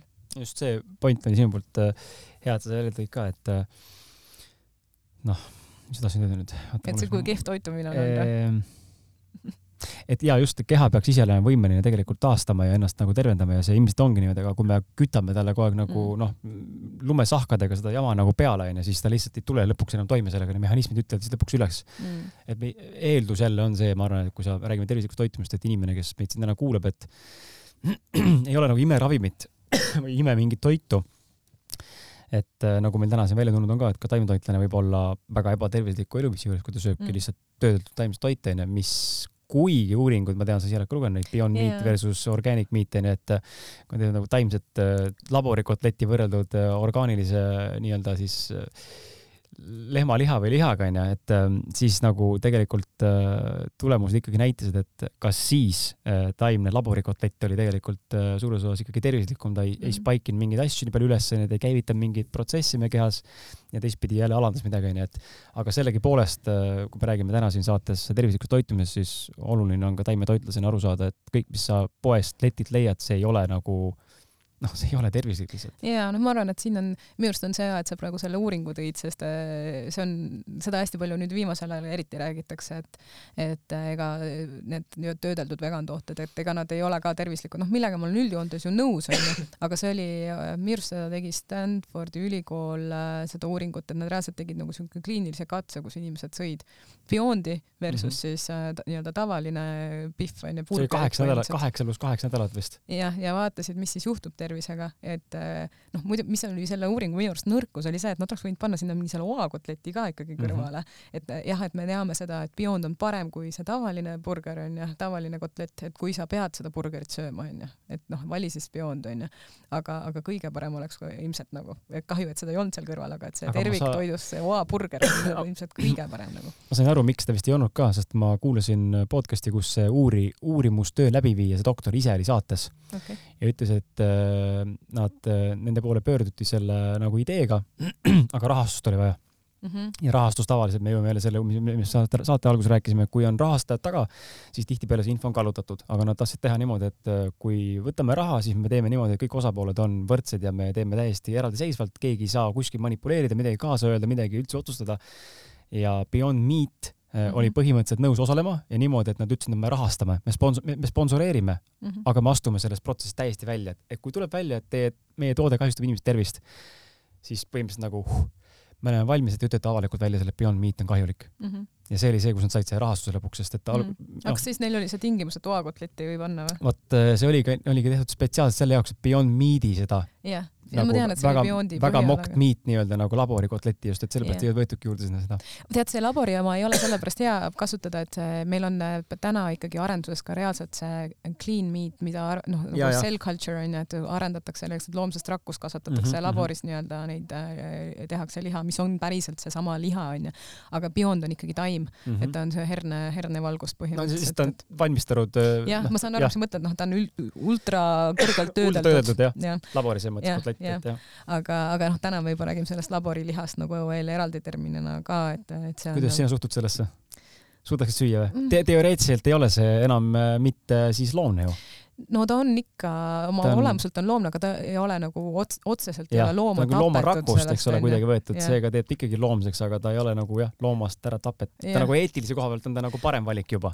kindlasti parem, ma arvan, et see on täpselt nendele inimestele, kes ei suuda mingil tingimusel nagu või noh, et ei suudaks loobuda sellest äh, nii-öelda loom, päris sellest loomsest mm -hmm. tootest, et nendele ta on kindlasti selline tulevikutoode, et ta on kindlasti saab, saab olema tervislikum, sest et seal ei ole, sealt saab noh, natuke manipuleerida manipuleerida nende hormoonide ja antibiootikumide ja võib-olla küllastunud mm -hmm. rasvhapete ja, ja nii-öelda selle koostisega natuke aga ma ise, ma arvan, ma prooviksin, et mul on nagu huvi proovida neid selliseid tooteid, aga ma arvan, et ma ei ole sihtrühm et täna ma ei näe, et, et ta oleks äh, tervise mõttes ka, et noh, ma olen igal juhul veendunud, et soakotlett annab mulle parema valiku nagu toitainet, kui mm, -hmm. kui see mis iganes loomakude mulle võiks anda. või Beyond näiteks. jah, ja see on Beyond ka, et noh, ma selles mõttes ma söön Beyondi aeg-ajalt onju, ma hiljuti just äh, sõin ja siis sa iga kord kogen seda, et minu seedimisele ta on kuidagi niimoodi, et ma lihtsalt tead saan aru, et ta ei ole nagu väga noh, ma pigem nagu arvan, et ma ei söö teda nagu väga mm -hmm. tihti, et aga ta on väga sarnane, et mul segatoitlastest sõbrad on ikkagi nii, et noh,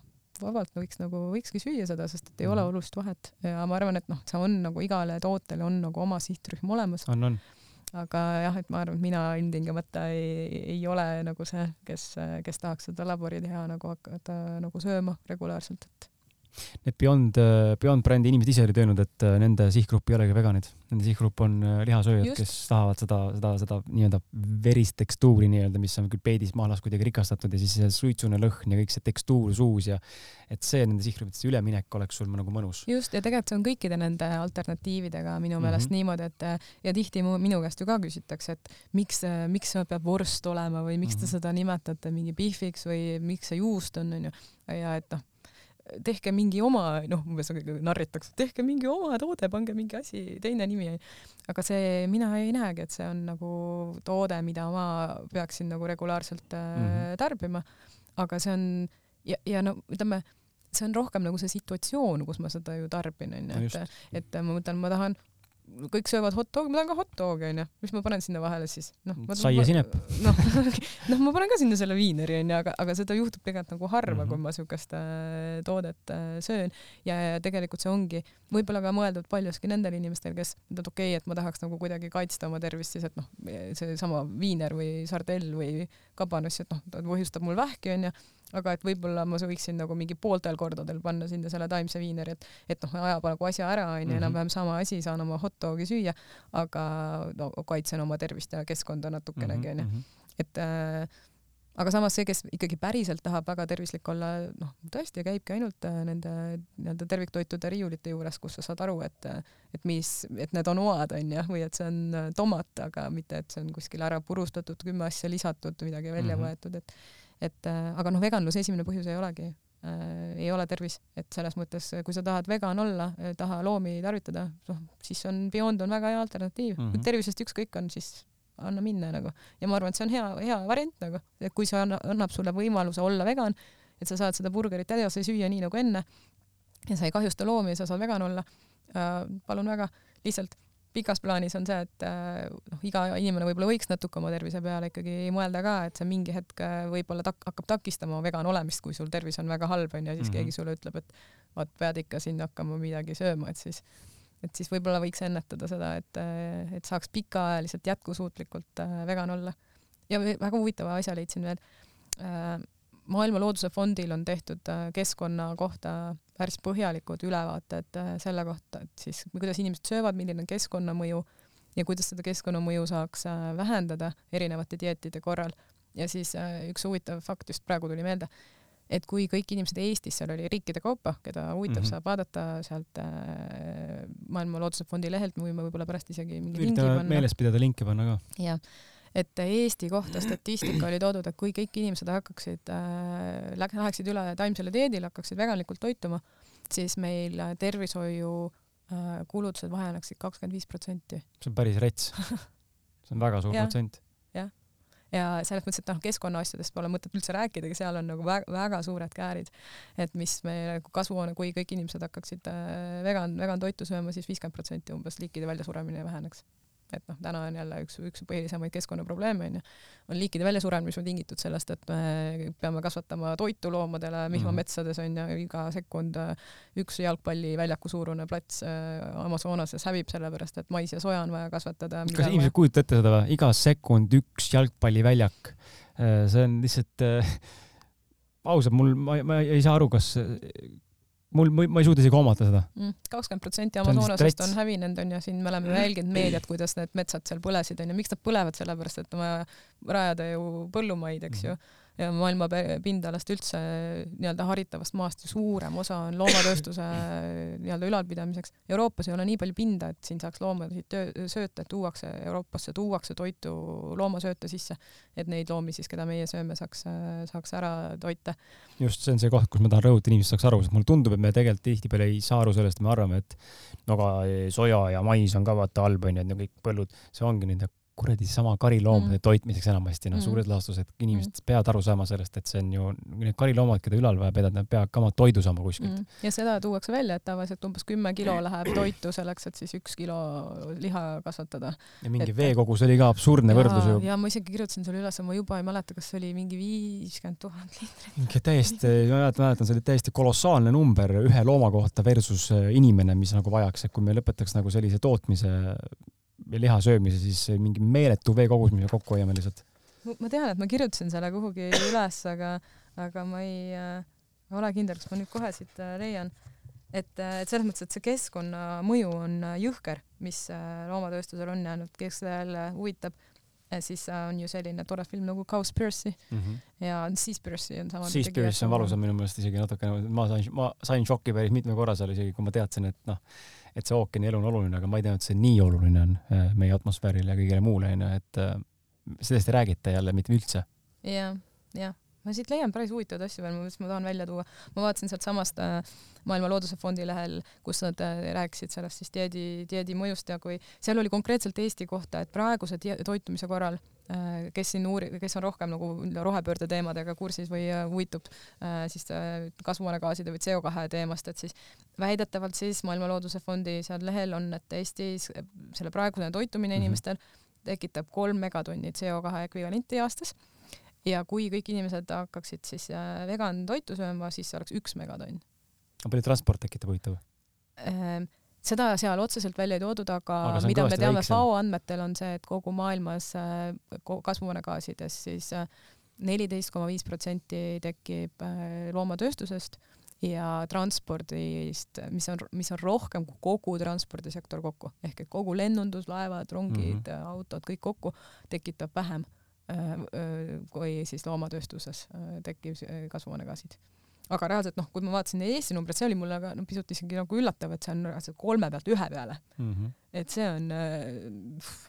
see on, see on ainult üks riik jah no., jah, aga noh, muidugi meie, e, ütleme, meie väga läänelikult toitume, et tegelikult Aafrikas ja niisugused kehvemal järjel nende riikide kasvuhoonegaaside tekitamine on hoopis teine mm. -hmm. et, et jah, aga me, meil on äh, kui me siin küsimus on, et kuidas me saaksime nagu neid kliimaeesmärke võimalikult kiiresti täita, siis number üks asi on ja me peaksime igal pool riiklikul tasandil nagu rääkima toitumisest. millest me räägime?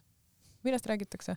ma olen selles mõttes olen nagu pettunud, et, et me räägime ainult mingist elektrist ja energia tootmisest, et noh, muidugi see on ka oluline onju, või räägitakse inimestele, et mine jala tööle mm -hmm.. noh, muidugi mine jala tööle, sest see on tervislik onju, aga see, et või et ma ei tea, pane tuli kustu või pane vesi kinni, kui sa hambaid pesed onju, et sa võiksid nagu ma ei tea, iga päev vannis käia, kui sa ei sööks liha, sest et sa ei, noh, ka parimal juhul sa ei suuda siis nagu mm -hmm. seda veekogust nagu ära, ära tarvitada. et, et sellest nagu paraku ei, väga ei räägita, et sellest on kahju. me oleme, tuleme korra siit äh, nisu ja gluteeni juurde. me sinuga eelnevalt, äh, kui me siia jalutasime stuudiosse, siis korra põrgatasime ka sel teemal, ma sain jagada sulle enda kogemust mis mul gluteeniga varasemalt on olnud ja, ja, ja mis anomaalia mingit pidi mul see on olnud, aga ma seoks selle, seoks selle gluteeni teema nagu kahe küsimusega, et üks on kuulaja küsimus, Annaliisa küsimus, et kas nisu, laktoosi ja gluteeni peaks täiesti vältima ja kui peaks vältima, siis miks ja kas terve elu peaks seda vältima või siis tooma vahepeal ikkagi toidulauale. Ja ja äkki sa oskad nagu öelda siinkohal ise kaasa rääkida ka, et mis, mis sinu nagu nägemus ja arvamus sellest gluteenist on või üldse täisterast äh, või teraviljadest, sest et äh, noh, ma olen siin nagu toonud välja ka doktor Joel Furmani, kellest me oleme siin täna ka mõned korrad maininud ja tema ütleb, et et nisu, suhkruõli on sisuliselt oma olemuselt äh, ja mõjult kehale, nii organismile on identne, ehk siis ta ütleb, et see on nagu magusa ja soolase koogi dieet. ja ma saan aru, millele viitab, eks ole, ja te tegelikult noh, täitsa loogiline tegelikult, et see võib, võibki nii olla, kui ta kehas kõik ühtemoodi käituvad et mis sinu nagu nägemus on sellest gluteenist, et on see siis see paganama mingi saatanast asi, mida tuleks vältida või, või peaks seda vältima ikkagi ainult süliaaklihaiged, kellel on päriselt äh, nagu probleem sellega või, või mis hetkest inimene peaks aru saama, et okei okay,, et mul on gluteeniga probleem äh, või mul tegelikult on see, et ma olen nüüd võtnud pseudo endale see gluteeni talumatuse mm., tegelikult mul ei ole talumatus, mul on lihtsalt, ma ei tea, mis mul siis on mm.. kus sina omadega oled selle koha peal? noh, ma olen ka siuke puzzled veidi selles mõttes, ma ühest küljest äh, tänane teadus ütleb seda, et äh, et tõesti on üks selline konditsioon nagu tsöliaak, eks ju, mis on haigus, äh, kus reaalselt inimene ei saa üldse, ei tohiks üldse gluteeni süüa, eks ju. sest ta võib ära surra. noh, põhimõtteliselt soolastik ikkagi mm -hmm. lekib niimoodi onju, et ja see tekitab niisuguse põletiku, et noh, et see on nagu tõsine haigus, eks ju, et see peab ikkagi väga selgelt äh, igasugust gluteeni, ka ristsaastet on ju, ka väike, väga väike kogus äh, gluteeni mõjub äh, kohe nagu väga-väga tugevalt. aga neid tsüliaagia haiglaid maailmas väidetavalt, mul vaatasin hommikul statistikat, võib-olla see oli valeinfo, aga näitas, et on ainult üks protsent liiga, kes päriselt on nagu selle, mhm. päriselt on neil see haigus, et nad võivad mm -hmm. ära mhm. surra mm. -hmm. tõenäoliselt neid on vähem, muidugi mulle kõlab see üks protsent tegelikult päris suurena. sa mõtled sajast inimesest üks onju et, et see on nagu ootamatult palju minu meelest isegi, aga, aga noh, ma kujutan ette, et see võib niiviisi olla. see kõlab ikka väga palju. kaheksast miljardist teeb see siis, mis see on, kaheksasada, kaheksakümmend, kaheksakümmend miljonit või? see peab olema üks sajandik onju. jah kaheksa, kaheksa miljardit, kümme protsenti on kaheksasada miljonit kas me peame selle praegu arutama või? jätame selle õhku. okei, jätame õhku selle numbri. ma siis hakkasin mõtlema, ei nagu ta on vist kaheksakümmend miljonit ikkagi, siis see tundub, kui ma praegu õigesti arvutan, siis mm, -hmm. siis see tundub täitsa absurdne number. no see on väga palju. kaheksakümmend miljonit, see on äh, no äkki on vähem ikka, äkki vaatame pärast võib-olla faktid vaatame üle, me ei, ei, ei, ei, jah, ei garanteeri, et see aga noh, selles mõttes see on nagu haigus, eks ju, mille puhul väga selgelt äh, peab äh, gluteeni tarbimisel nagu väga hoolikalt silma peal hoidma. aga siis on terve hulk inimesi, on ju, kes äh, saavad nagu kognitiivselt, sa saad aru, et kui sa sööd gluteeni, sul on ebamugav, eks ju, olla, halb olla et äh, ma ise tunnen selliseid inimesi, noh, täna nimetatakse seda talumatuseks onju, aga see, aga päris palju on kindlasti ka neid inimesi, kes nagu igaks juhuks nagu tahavad gluteeni vältida. ja, ja see nagu ei tundu, et on tegelikult põhjendatud, et, et ei noh, kui sa sööd mõistlikus koguses onju, et see, mis sa välja tõid tegelikult, mis Furman või kes see ütles, eks ju mm, -hmm. et äh, et see, see on ju adekvaatne, sest kui põhiliselt, kus seda gluteeni kasutatakse täna, kui me vaatame nagu keskmist Eesti mingit toidulauda, kus sa saad kõige rohkem gluteeni, on mingid saiakesed, kringlid, pitsad, burgerid, pitsad, burgerid, koogid, äh, koogid on ju. küpsised. jah, et kohe, kui sa need ju ära jätad, loomulikult su tervis paraneb mm, -hmm. aga kas ta paraneb sellepärast, et sa jätsid gluteeni ära või sellepärast, et sa jätsid ära suhkur, rasv, kõik see on ju, ja sa hakkad sööma ilmselt nende asemel ju mingisuguseid, noh, tahaks loota mm -hmm. mingeid tervislikumaid asju, et see on ka enamike dieetide puhul see, miks on sul kohe mingi tulemus näha, on see, et kui sa võtad selle põhilise kräpi sealt maha, et siis tegelikult sul tuleb mingi tulemus mm. -hmm ja, ja noh, küsimus ongi, et kas see on siis gluteen või see on mingi, mingi muu põhjus on ju, miks noh, mina ise arvan, et see ei ole gluteen, et see, et kui sa sööd mõistlikus koguses mingit pastat või, või mingit noh, eriti täisteratooteid, siis tegelikult saad sealt ka noh, eriti täisteratoodetest sa saad ikkagi kasulikke toitaineid, mis sul noh, teevad elu lihtsamaks, sa ei pea mm -hmm. nagu hakkama mõtlema seda, et okei okay,, kui ma nüüd seda ei saa sellest teraviljast, et siis sa tegelikult pead seda ikkagi kusagilt ju saama, onju. et siis sa pead natuke jälle oma toitumist nagu üle mõtlema, et okei okay,, et enne ma sain nagu te, tegin omale võileiva, onju, aga sain sealt nagu neid, neid aineid, onju, täna ma ei tee omale enam selle rukkileiva peal näiteks oma võileiva, sest rukkis on ju ka gluteeni sisaldav tähendab, onju, et noh, nisu on lihtsalt äh, kõige kuidagi, kõige rohkem on temas äh, gluteeni onju, aga temast kõige rohkem räägitakse, tegelikult kõikides teraviljades, äh, ütleme nisu, oder, kaer, kõik. Ja tegelikult ka kaer, tegelikult nisu, oder, mis ma ütlemata jätan, nisu, oder? Rukkis, rukkis, jah, ja kaer on tegelikult justkui gluteenivaba, aga kuna neid töödeldakse tavaliselt ühe, ühtedes tehastes mm, -hmm. eks ju, kuivatid kõik edasi, jahud, jahvatused kõik, et siis ta on ristsaastaja ja siis sellepärast ka kaerahelbed, kui ei ole peal eraldi kirjas, et on gluteenivaba, siis enamasti võib seal olla nagu gluteeni ka sees. kas gluteen tolmneb ka põllul või? On see võimalik või? mis see tähendab, mis see? no et ta kandub nagu ka põllul ju, mitte ainult siis nagu Aa, töötlemise ei. protsessis, vaid juba ka kasvamisel, kui mul on gluteeni, ma ei tea, mingi, mingi a la põld, kus mul tean, et mul näiteks kaer, eks ole, mis on gluteenivaba ja olemuslikult kõrval on midagi muud, ma ei tea, rukis või mingi muu asi, mis, mille sees võib olla seda, kas see võib juba ei, seal? see ei tundu üldse loogiline, sest et äh, gluteen on äh, valk ja ta on selle edasi, konkreetse nagu ikkagi noh, ta on seal tera koostises, et ta ei tohiks, jah, see ei tundu loogiline, aga noh, näiteks inimesed söövad seitanit, on ju puhas gluteen mhm. põhimõtteliselt ja ma ei tea, mina, minul ei tekita seitan nagu mingeid probleeme. et, äh, et noh, ma, ma arvan, et kõige mõistlikum lähenemine nagu siin on see, et, et tuleks tarbida mõistlikus koguses asju, aga et sa ei pea nagu olema noh, niimoodi, et, et võtma veel ja veel ja veel asju vähemaks oma toidulaual, sest see teeb su elu lihtsalt selle võrra nagu keerulisemaks mm -hmm. ja, ja kui seal ei ole nagu seda põhjust nagu näiteks veganluse puhul väga selge põhjus, me ei pea loomi tarvitama, onju et, äh, et gluteenil nagu noh, ma ei tea, võiks mm -hmm. okei okay on, et, äh, et isegi kui seal on mingi väike tervisemõju onju, et aga kõikidel asjadel võib mingi tervisemõju mm -hmm. olla. et siis lihtsalt äh, noh, võtad väikse riski ja alati võtad mingi riski. et ükskõik mida, mida sa teed, alati on risk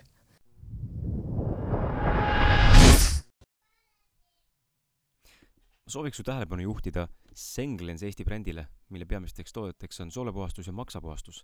mõlemad on kusjuures ühepäevased detox kuurid, mis on ensümaatilised ja nelja-aastase fermentatsiooniga, mis muudavad need tooted meie kehale tegelikult palju rohkem biosaadavamaks. tooted suudavad lagundada soote külge jäänud kattu, mis tihtipeale takistab tegelikult ka vitamiinide, mineraalide ja toitainete imendumist ning maksa puhul on toode võimeline tooma maksast välja sapiliiva ja isegi sapikive mina isiklikult sain lahti oma karastusjoogi sõltuvusest ja suur osa inimesi kogeb peale puhastust paremat tuju, kergemat enesetunnet, rohkem energiat, kaalukaotust, paremat toitainete imendumist ja nii edasi.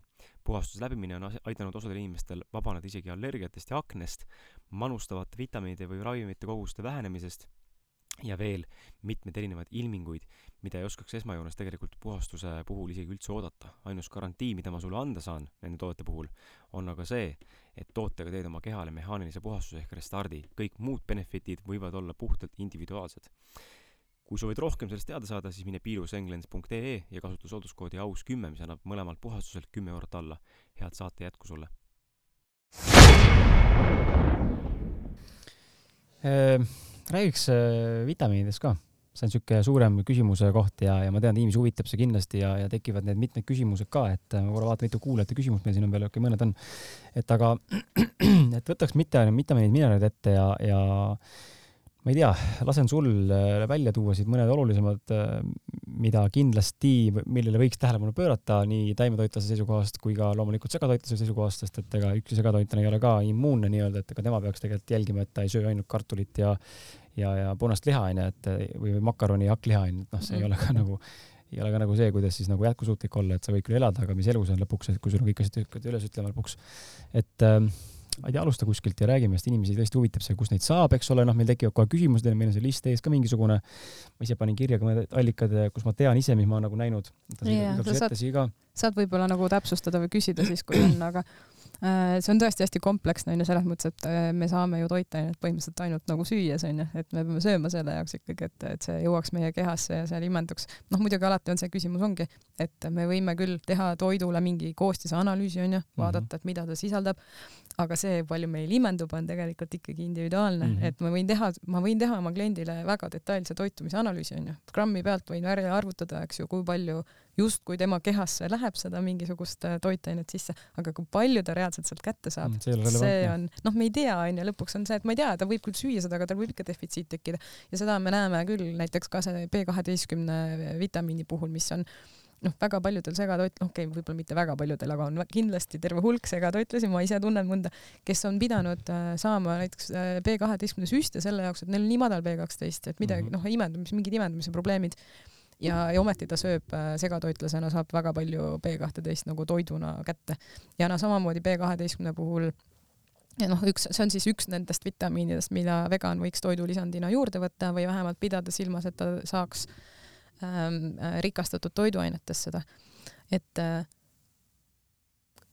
mõttelõng katkes praegu korra küsin seda Jah. B kaksteist, et kas, kas see on kindel täna või on teadus, mul kuskilt tuleb midagi meelde, ma võin nüüd eksida siin, ma ei julge seda nüüd äh, niimoodi lubada, et nii on, aga kas on kuskilt äh, teada, et tegelikult ka taimetoitlane saab tegelikult mingitest toidu asjadest ikkagi B12 kätte, et see ei pea ainult olema liposoomne või siis mingi tableti kujul äh, toidulisand. mul kargab kohe pähe, kuskilt olen nagu kuulnud, et vetikad võivad seda sisaldada päris suures koguses. ma olen siia välja toonud eraldi veel maitsepärmi ja muid tooteid, mis on rikastatud, seda ma Mm. seda ma ei maini praegu, eks ole, Mm. aga just see, et oma olemuselt no oma Sest olemuselt ju B kahteteist toodavad bakterid just ja et noh, see ei ole midagi, mida loomad teeksid, onju, et tegelikult meie oma soolestikus bakterid sünteesivad ka B kahteteist Mhm. vitamiini. aga mis on häda, onju, see meie soolestikuga on see, et see süntees toimub hiljem, et see imendumine, B kaheteistkümne Mhm. imendumine on eespool ja süntees on tagapool. ehk et me nagu oma soolestikust äh, täna nagu ei saa. sünteesime ära, aga ta väljub, sest me ei Just. suu-, ta ei lähe tagasi imen-, imenduma enam, onju. et see suund on ikka mm -hmm. Mhm. nagu teistpidi. Et, et see jah, teda toodavad bakterid loomses, meie kehades on ju ka ta nagu B kaksteist on olemas, ehk et kui see, kui, kui sa looma sööd, siis nagu loomses toidus äh, on ta mm. -hmm. olemas, aga taimses ei ole. ja noh, kunagi arvatakse siis äh, evolutsioonilises mõttes, et kuidas inimesed teda said, oli see, et ta oligi, me ei söönud steriilset toitu, et meil mm. -hmm. oli, me saime ikkagi seda bakterit nagu toiduga tänu sellele, et me ei söönud puhast äh, nii-öelda see, mis iganes, mis me omale suhu panime, me ju ei pesnud teda ilmtingimata kusagil puhtaks ja vesi oli ka ilmselt nagu rohkem saastunud, me täna ju Mhm. vee puhastamisega hoopis teistmoodi nagu tegeleme. noh, muidugi sa lisaks B12-le sai sealt igast muud jama ka onju, et võib-olla parasiite ja mingisuguseid halbu baktereid kõhtu, et pärast oli võib-olla kõhulahtisus.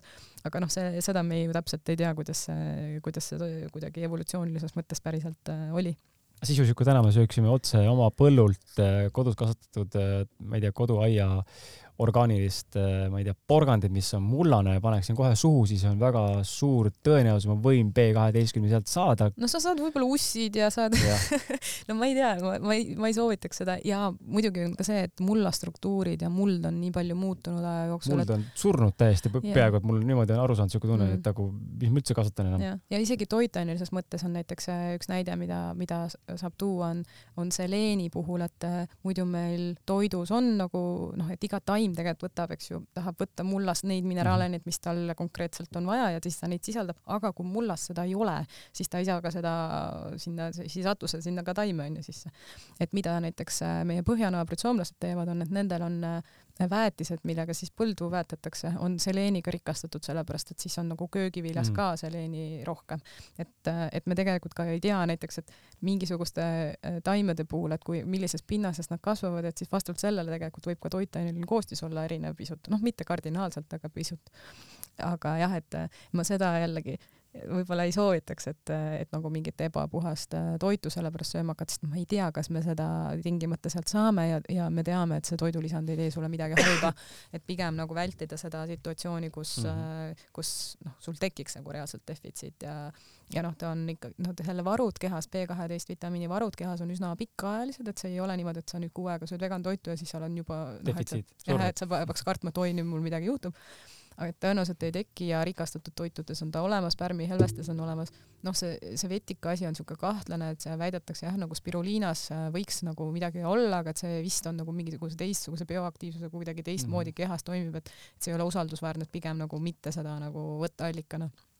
et kõige mõistlikum ikkagi oleks võtta toidulisandit see on tegelikult meie vajadus on üliväike, meie noh, inimestel Eestis toitumissoovitustes on kolm mikrogrammi päevas, kui igapäevaselt nagu tarbida.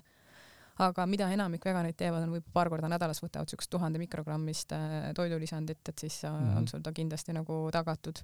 Ja noh, mida veel tegelikult me teame ka segatoitlastele, et see imendumise küsimus on tegelikult muutub ka eaga aktuaalsemaks, et vanemad inimesed, üle viiekümnesed võiksid B12 võtta toidulisandina ka juurde, et lihtsalt närvisüsteemi ja, ja noh, ütleme kognitiivse võimekuse mm -hmm. ja sellega seotult, et võiks, võiks nagu olla kasulik, et, et mingid protsessid kehas ikkagi ajas nagu vana, vananedes muutuvad ja kui inimesel tekib küsimus, kas võtta tavlaka kujul või vedela kujul, siis mina eelistaks liposoomset, et otse noh, ta on peo, paremini jälle biosaadavam ja läheb nii-öelda mitte küll otse verre, et sa ei süsti teda sinna, aga, aga ta läheb paremini meile kehasse läbi. ja no muidu need, äh, siin on ka olnud uuringuid või küsimusi selle kohta, et kumba peaks nagu, sest et äh, seal on ka mitu nagu versiooni, et on tsüanoglobaalamiin ja metüülkobaalamiin. jah, et, et siis tegelikult enamik uuringuid on tehtud tsüanoglobaalamiiniga mm, -hmm. et selle, selle kohta me teame kindlasti, et see nagu on hea, et toimiv. noh, ma olen kuulnud ka, et soovitatakse seda metüülitud versiooni, noh, ma, ma ei oska selle kohta seisukohta võtta mm, -hmm. et, et teadusuuringud rohkem on nagu tsüanokobaalamiiniga tehtud. aga, aga jah, et äh, jälle kaotasin mõttelõnga ära, mul oli mingi väga hea mõte. ma ei tea, kuidas sul juhtub nüüd. tahtsid järelikult valetada jah, kindlasti. T3, kust seda saab? taimtoitlane kõige paremini kätte võiks saada, oskad sa? päikesest aga toidu, aga toidust, kui räägime ja no ma D3-ga ma natuke räägin selle mm, -hmm. seda vitamiini siis lugu ka, et miks see oluline on, onju, et D, D-vitamiin on oluline just kaltsiumi imendamise seisukohalt, eks ju, kõige, kõige olulisem aspekt. ja kõik Eesti inimesed peaksid, noh, tegelikult mis, mis ta on, on ta hormoon, mis meie nahas sünteesitakse. ta tegelikult nagu selles mõttes ei olegi nagu vitamiin, et keha meil ise toodab teda tegelikult loomulikult aga, aga jah, et meie paraku oleme siin asustanud sellise piirkonna, kus põhimõtteliselt pool aastat käib päike nii madalalt, et isegi kui me oleme päikse käes, siis tegelikult ei ole võimalik, meie keha ei sünteesi äh, D-vitamiini. noh, mis on alati hea nende sünteeside puhul, kui keha ise teeb, näiteks kolesterooliga on sama, et meie keha teeb kolesterooli, meil on vaja kolesterooli, aga ta teeb täpselt nii palju, kui tal on vaja ja, ja kui me saame seda nagu suukaudselt, eks ju, äh, samamoodi mm -hmm. nagu mhm. vitamiinidegagi. Äh, ja näiteks kogu D-vitamiiniga võib juhtuda, onju, enamasti küll mitte, aga kui me võtame teda sisse, siis tegelikult äh, me võime saada seda liiga palju ja kolesterooliga see kindlasti nii on, et inimesed saavad seda liiga palju, siis me keha ei oska sellega nagu midagi peale hakata, et kui me ise teeme, siis me teeme omal täpselt õige koguse.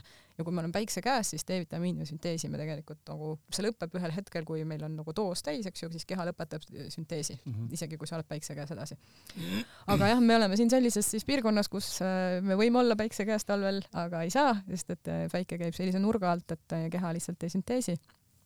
et siis me peaksime kõik võtma toidulisandit ja ja noh, veganid kindlasti peaksid ka seda tegema, et see on siis üks nendest kahest olulisest vitamiinist, mida võiks toidulisandina tarvitada või siis pidada silmas, et oleks kindlasti rikastatud toiduainetes olemas, et piisaval määral aga jah, et toidulisandiga siis äh, on võimalik seda taset paremini äh, kontrollida, kui mm, -hmm. kui see, et me üldse sinna päikse, päiksevalguse käes ei ole. ja noh, muidugi suvel ka, kui sa ikkagi oled kuskil kontoris või noh, siukses toas, eks mm -hmm. ju, mhm. päev otsa ja päikse käes ei ole, siis sa ei saa D-vitamiini.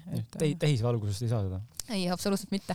ja see on ka huvitav, ma isegi uurisin seda Äh, natukene nahaarstilt, et äh, kuidas siis sellega nüüd on, et et ei soovitata ju päikse käes väga olla, onju, et mhm. meil on äh, nahavähk on päris oluline siin viimastel aastatel ka eriti nagu avastatakse palju ja et on probleem, onju, et inimesed, melanoom on nagu laialt levinud. aga nahaarst ütles selle peale, et kui sa paned päiksekreemi ja sa ei pruunistu, siis sa tegelikult ka D-vitamiini sünteesi mm. -hmm ehk et äh, me peaksime ikkagi natuke pruunistuma. Ja, ja see on ka nii, et mida naha, mida heledama nahaga inimene, seda lihtsamini süntees toimub, mida tumedama nahaga päevitunum inimene on, siis seda, seda raskem või seda kauem peaks nagu päikse käes olema selleks, et tegelikult seda vajalikku kogust äh, kätte saada. et see, mis meie keha sünteesib, on D3 vitamiin, aga on ka D2, mida siis seentes on, aga selle, selle kohta jälle ei ole meil nagu häid äh, andmeid või me ei saa öelda, et, et ta oleks nagu hea. see on kindlasti vegan, eks ju, seda mm -hmm. me mhm. teame, et D2 on vegan, aga, aga tegelikult pigem soovitatakse D3-e ja D3 enamasti ei ole vegan, see, mis sa poest nagu ostad, äh, et siis see on, tehakse teda äh, põhimõtteliselt ähm, lambavillast ja ta lambavillas on ta siis äh, mõtlen kohe, lino, linoleen. lino, mul ei tule. ma ei tea, aga ma ütlen valesti praegu. tal oli, mul ei tule meelde ka midagi anda, lino, ühesõnaga ma ei mäleta ka seda, aga mul ta, midagi sinnakanti ta on. et siis see, see on nüüd lambavillast, noh, ta tõenäoliselt mm, ma igaks juhuks pead ei annaks, aga kuna ras-, kuna D-vitamiin on rasvlahustuv, et ta on rasvas ka tallatuv, siis äh, on tõenäoline, et ta satub sinna lambavilla tänu sellele, et äh, lammas, äh, noh, ta ei pese ennast, onju, ta eritab samamoodi rasu nagu kõik teised mm -hmm. imetajad. et siis me põhimõtteliselt saame seda sellest lambarasvast nagu või no sellest, noh, jah, ühesõnaga. aga. tuleb, segan korra vahele, tuleb siuke asi ka meelde, et jälle ei tea, kas see nüüd päris nagu teadusega tõestatud on, aga minu meelest paari korral olen nagu näinud, et sellest on räägitud, et lehmapiimas olev D2 ähm, nullib T3-e meie kehas. et seal tekib mm. mingisugune, seal, tänu sellele, et see on siis nagu loomne produkt, seal, et seal meie kehas sisse tarvitades tekib mingisugune äh, mis iganes keemiline mingisuguse, mingisugune error niimoodi, et me sisuliselt äh, D2-ga nullime D3-e nagu sisaldust enda kehas või nagu tõmbame alla seda või kuidagi pärsime mm. selle, selle nagu imendumist või selle, selle saadavust? okei ma iga, ma päris täpselt ei tea, aga mulle tundub loogiline, et see võib olla nii, et ta läheb jällegi kuhugi samadele umbes retseptoritele või samas nagu süsteemis ja tõesti blokeerib seda, et mm -hmm. tegelikult see T3 saaks nagu kinnituda näiteks või noh, ma ei tea, tegelikult ma ei tea, kuidas see füsioloogiliselt täpselt välja mm -hmm. näeb, aga see tundub, et see on võimalik, sest et noh, taoline mehhanism on näiteks äh, östrogeeni ja fütoöstrogeenidega mm, -hmm. et sellest ka tihti räägitakse soja kontekstis onju, et, et seal on taimsed östrogeenid onju. meestel on dissid. just, tegelikult on vastu vastupidi, onju, et ta tegelikult läheb, äh, need taimsed äh, östrogeenid, äh, fütoöstrogeenid lähevad nendele retseptoritele, mis takistavad tegelikult seda, et sa saad lehmapiimas, kus on päriselt östrogeenid, sest see on nai-, noh, see on mm -hmm. ikkagi naise poolt toodetud äh, vedelik onju, seal on väga selged östrogeenid. et fütoöstrogeenid pigem blokeerivad siis seda, et need päris östrogeenid saaksid sinna retseptoritele minna. et, et selliseid mehhanisme nagu meil kehas äh, esineb mm, -hmm. aga jah, et selles mõttes ma seda T-kohta ei oska kommenteerida, aga taimne T3 on olemas, see on tehakse amblikest ja noh, selles mõttes, et toidulisandina täitsa kättesaadav ja ei ole nagu midagi keerulist. kus see K2 siia pilti sobitub? Et äh, väga paljud äh, brändid promovad täna juba toodet äh, ja ma ise tarbin Vivo Life'i toodet, kus on K2 ja D3 korraga koos. Okay.. et ma tean, ma pean ütlema, et ma selle, et K-vitamiin ei ole mingi selline vitamiin tegelikult, millest väga palju oleks klassikaliselt räägitud. Mm -hmm. ja tegelikult me ise ikkagi sünteesime seda oma soolestikus, et noh, tegelikult me ei räägi tast kui nagu essentsiaalsest vitamiinist, et et see ei ole noh, see ei ole minu radaril üldse nagu sellisel kujul, võib-olla sa tahad ise midagi sellest rääkida? ma ei tea, lihtsalt teangi nii palju, et K2 äh, väidetavalt äh, aitab siis äh, D3-l meie kehas paremini imenduda ja sellepärast võetakse neid koos. mis see nüüd see suhe seal, kui ma nüüd ei võta K2, kui palju mul jääb D3-st imendumata onju, no seda ma jälle ei tea, pole uurida, see on ilmselt väga individuaalne ja teine asi, mis ma olen näinud, et K2 on sünnihetkel ülioluline vitamiin mm., mida meile antakse haiglates väga suures koguses, doosis tegelikult äh, antakse. see on eraldi jälle siuke val-, natuke vandenõu valdkonna teema, kui sellesse minna sisse et see, see, see doos on, jah, see on, noh, see doos K2 on väga suur ja isegi ohtlik sellisele imikule sellises koguses, aga K2 imik peab saama samamoodi ikkagi mm. et meie seda süsti lapsele haiglas, noh, ta sünnis kodus, aga me ei lasknud seda süsti endale teha perearsti juures, sest et me olime lugenud, et meie allikad ütlesid, et see on liiga suur kogus ja, ja tegelikult me nägime, et noh, ta näitajad olid normid, sest tegelikult ta sai kätte ikkagi rinnapiimast toidust onju. Et aga see K2-l on mingi, tal, tal on jah, D3-ga mm. mingi seos väidetavalt. muidu see põhjus, miks seda K, K-vitamiini süsti minule teadaolevalt vähemalt on äh, tehtud, on see, et sünd on ikkagi nagu füüsiline trauma tihti mm -hmm. või noh, seal võib olla ka komplikatsioone ja kuna K-vitamiin on oluline vere hüübimise seisukohalt, et siis ei tekiks neid sisemisi verejookse nagu ja et siis mm -hmm. nagu imikul on turvalisem äh, nagu noh, sündida nii-öelda onju, või noh, et kui juht oli mingi trauma, et siis äh, vähemalt ei teki siukest, et ta jooksuks umbes oma kehasse verest tühjaks. Aga, aga ma väga palju ei saa siin selle K-vitamiini teemal sõna võtta, et ma lihtsalt ei, et see ei ole üks nendest vitamiinidest, millega peaks kuidagi eriti tõsiselt äh, või kuidagi teadlikult tegelema, vähemalt, äh, vähemalt mitte, mitte nii-öelda tervisliku toitumise seisukohalt, et, et temaga ei ole nagu enamasti väga probleeme Fine, ma olen pettunud aga ma, ma võtan siit sõnasamast selles mõttes kinni, et tegelikult on äh, meil küll asendamatud ju toitained äh, täitsa olemas mm, -hmm. millest on siis üks niisugune neliteist vitamiini ja, ja kaks rasvhapet onju, mis, mis me ise ei, ja üheksa aminohapet on kaheksa-üheksa on erinevalt jaotatakse ja kuusteist mineraalainet. et mida me peame saama toiduga, mida, mida me nagu ise ei suuda teha, ülejäänud me suudame teha, aga näiteks ülejäänud asendatavad aminohapped onju mm -hmm., me teeme ühest aminohappest teist onju, me keha suudab ise nagu ringi sünteesida ja et näiteks äh, rasvhapete puhul samamoodi, et me suudame mingitest ainetest ise sünteesida nagu pika ja lühi-, lühikese ahelaga onju rasvhappeid, et et, äh, et noh, keha on meil üpris võimekas ja noh, siin on viimasel ajal räägitud koliinist, on see eesti keeles ka koliin või? et noh, mingi, mingisugused sellised ained, mis on järsku tulnud päevakorda, mis tegelikult meie keha ise suudab sünteesida, mida me ei pea saama mm. nagu kuidagi eraldi mingi toidulisandina juurde. mis asi see on, mis see naha Äh, kollageenist Kollageen, räägitakse viimasel ajal päris palju, et noh, tegelikult me peame lihtsalt sööma tervislikku toitu, meie keha ise teeb. et need trigger'id saaks tekkida kehal. just, et noh, tal on vaja mingeid eelühendeid näiteks mm, -hmm. et ta suudaks nagu see ise valmis teha et ei pea võtma kõike nagu toidulisandina või kuidagi juurde, aga noh, mõned on sellised, mida siis peaks nagu veenduma, et ma saan neid äh, toiduga, et meie keha üldse saaks neid teisi asju siis äh, teha mm. -hmm. no selge on see, et toidulisandite tööstus on meeletu äri, noh, see on tohutu ärimudel, et see on selge, et siin tahetakse kõike, kõik inimesed tahetakse panna lihtsalt tarbima purkide viisi, pudelite viisi asju, onju, et aga alati ei pea.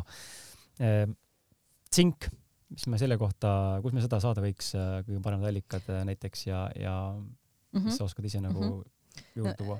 tsink ja, ja tegelikult teised mineraalained ka, et me võime nagu rääkida tegelikult nendest potina nagu koos mõnes mõttes, et rauaud, tsink ähm,, noh, tegelikult ma isegi võin näidata, ma ei tea, kas sina ise oled näinud, aga Eesti Vegan Selts on teinud siukse toreda volliku, ma jätan sulle pärast siis, kus on äh, siuke A4 peal, see on veebis ka kättesaadav, on toodud äh, nii-öelda need põhjused, toidugrupid mm -hmm. on olulisemad toitained ka toodud, mis, millele võiks nagu tähelepanu pöörata.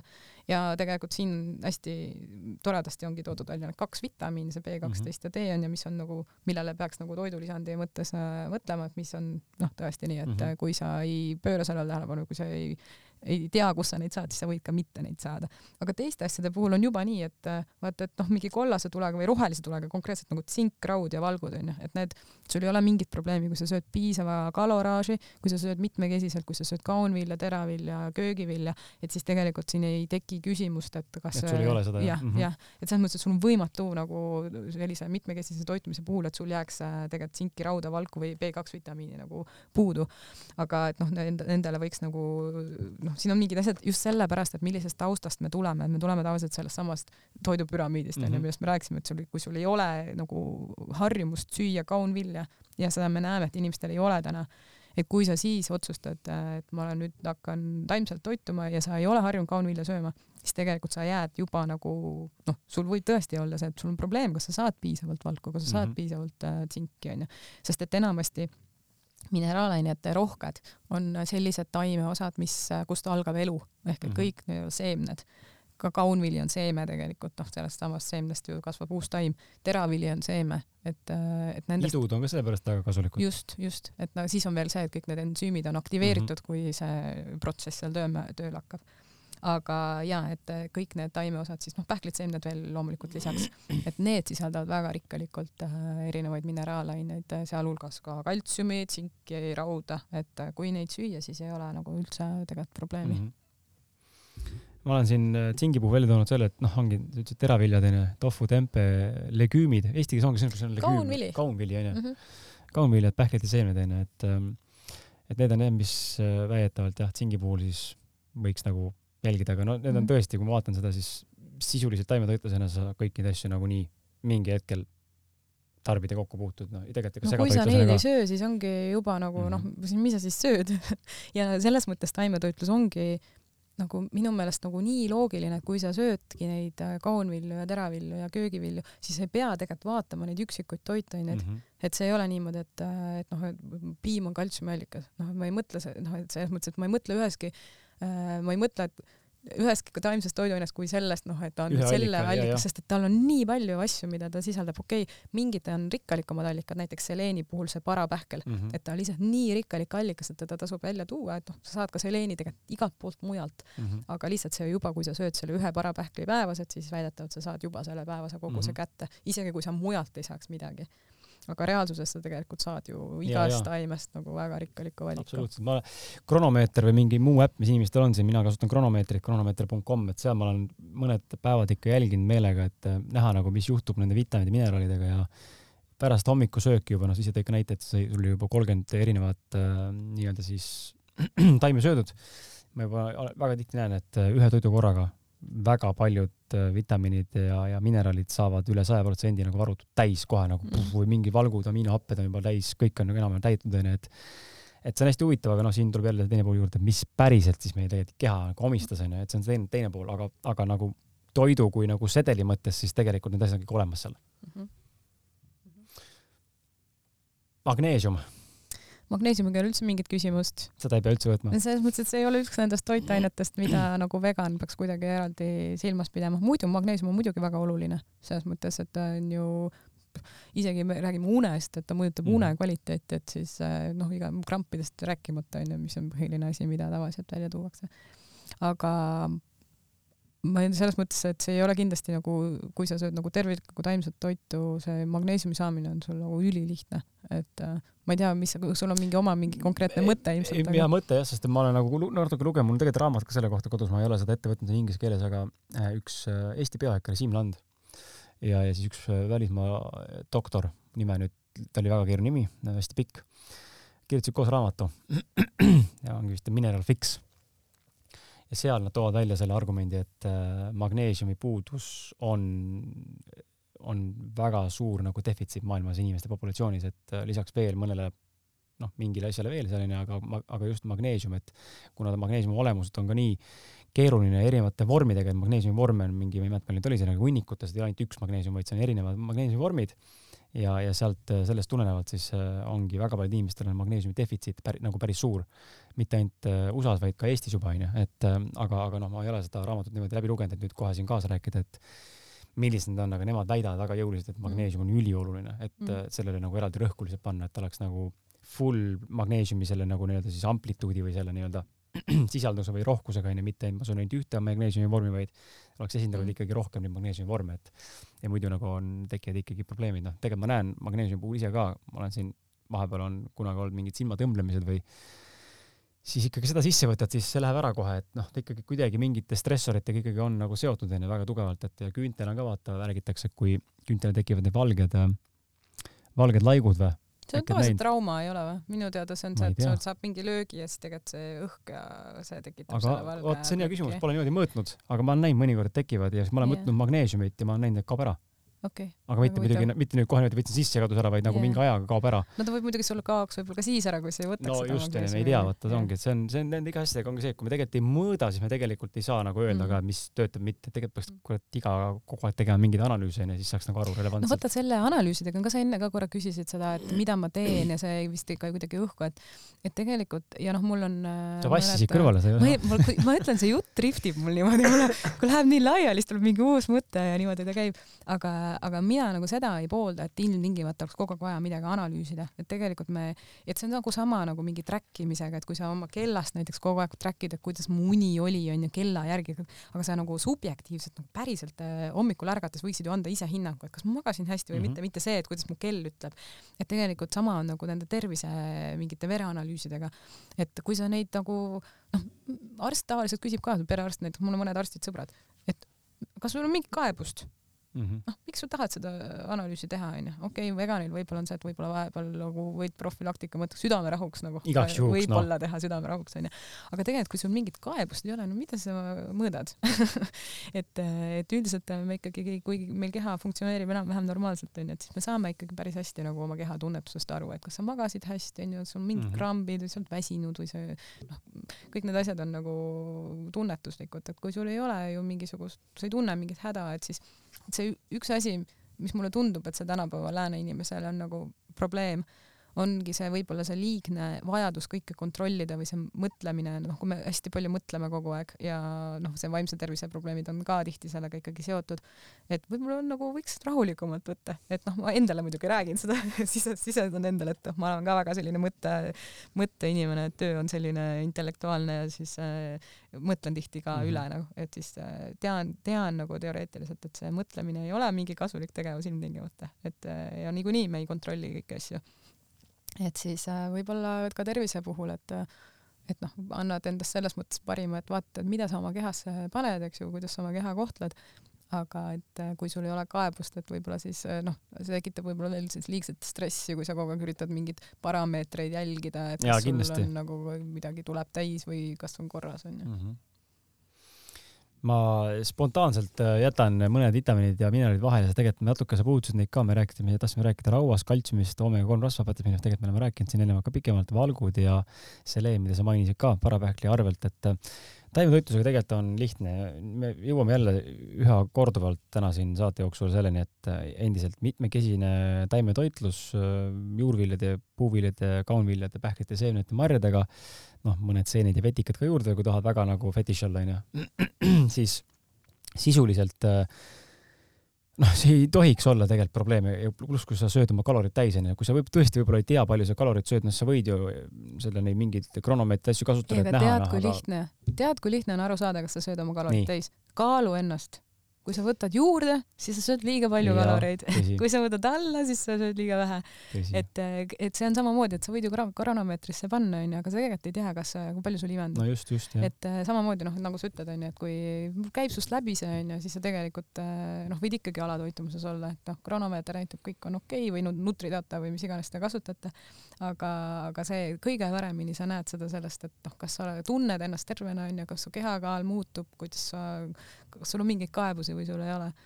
aga jah, noh, mõni asi, nagu me rääkisime ka, onju, mõni, mõned asjad tekivad nagu pika aja peale mm, -hmm. et noh, selles mõttes vahetevahel võiks nagu võib-olla teha siukse check-in'i onju, vaadata. ja, ja selles mõttes mingeid põhimõtteid võiks ju teada, nagu seesama B kaksteist ja D onju, et, et see on küll nagu siuke, mida ma tahaks nagu rõhutada. Ja noh, võib-olla noh, see, see leen, ma arvan, ei olegi nagu nii äh,, nii tõsine asi, aga nagu millest ma kindlasti tahaks võib-olla rääkida, on jood ja kaltsium, noh, kaltsiumist mm -hmm. me rääkisime tegelikult, kaltsium on oluline. jood, joodiga on äh, nii, et äh, noh, kui te kasutate soola, et siis võiks olla jodeeritud sool, see on üle maailmas tegelikult joodi, joodi alatarbimine on mm -hmm. probleem.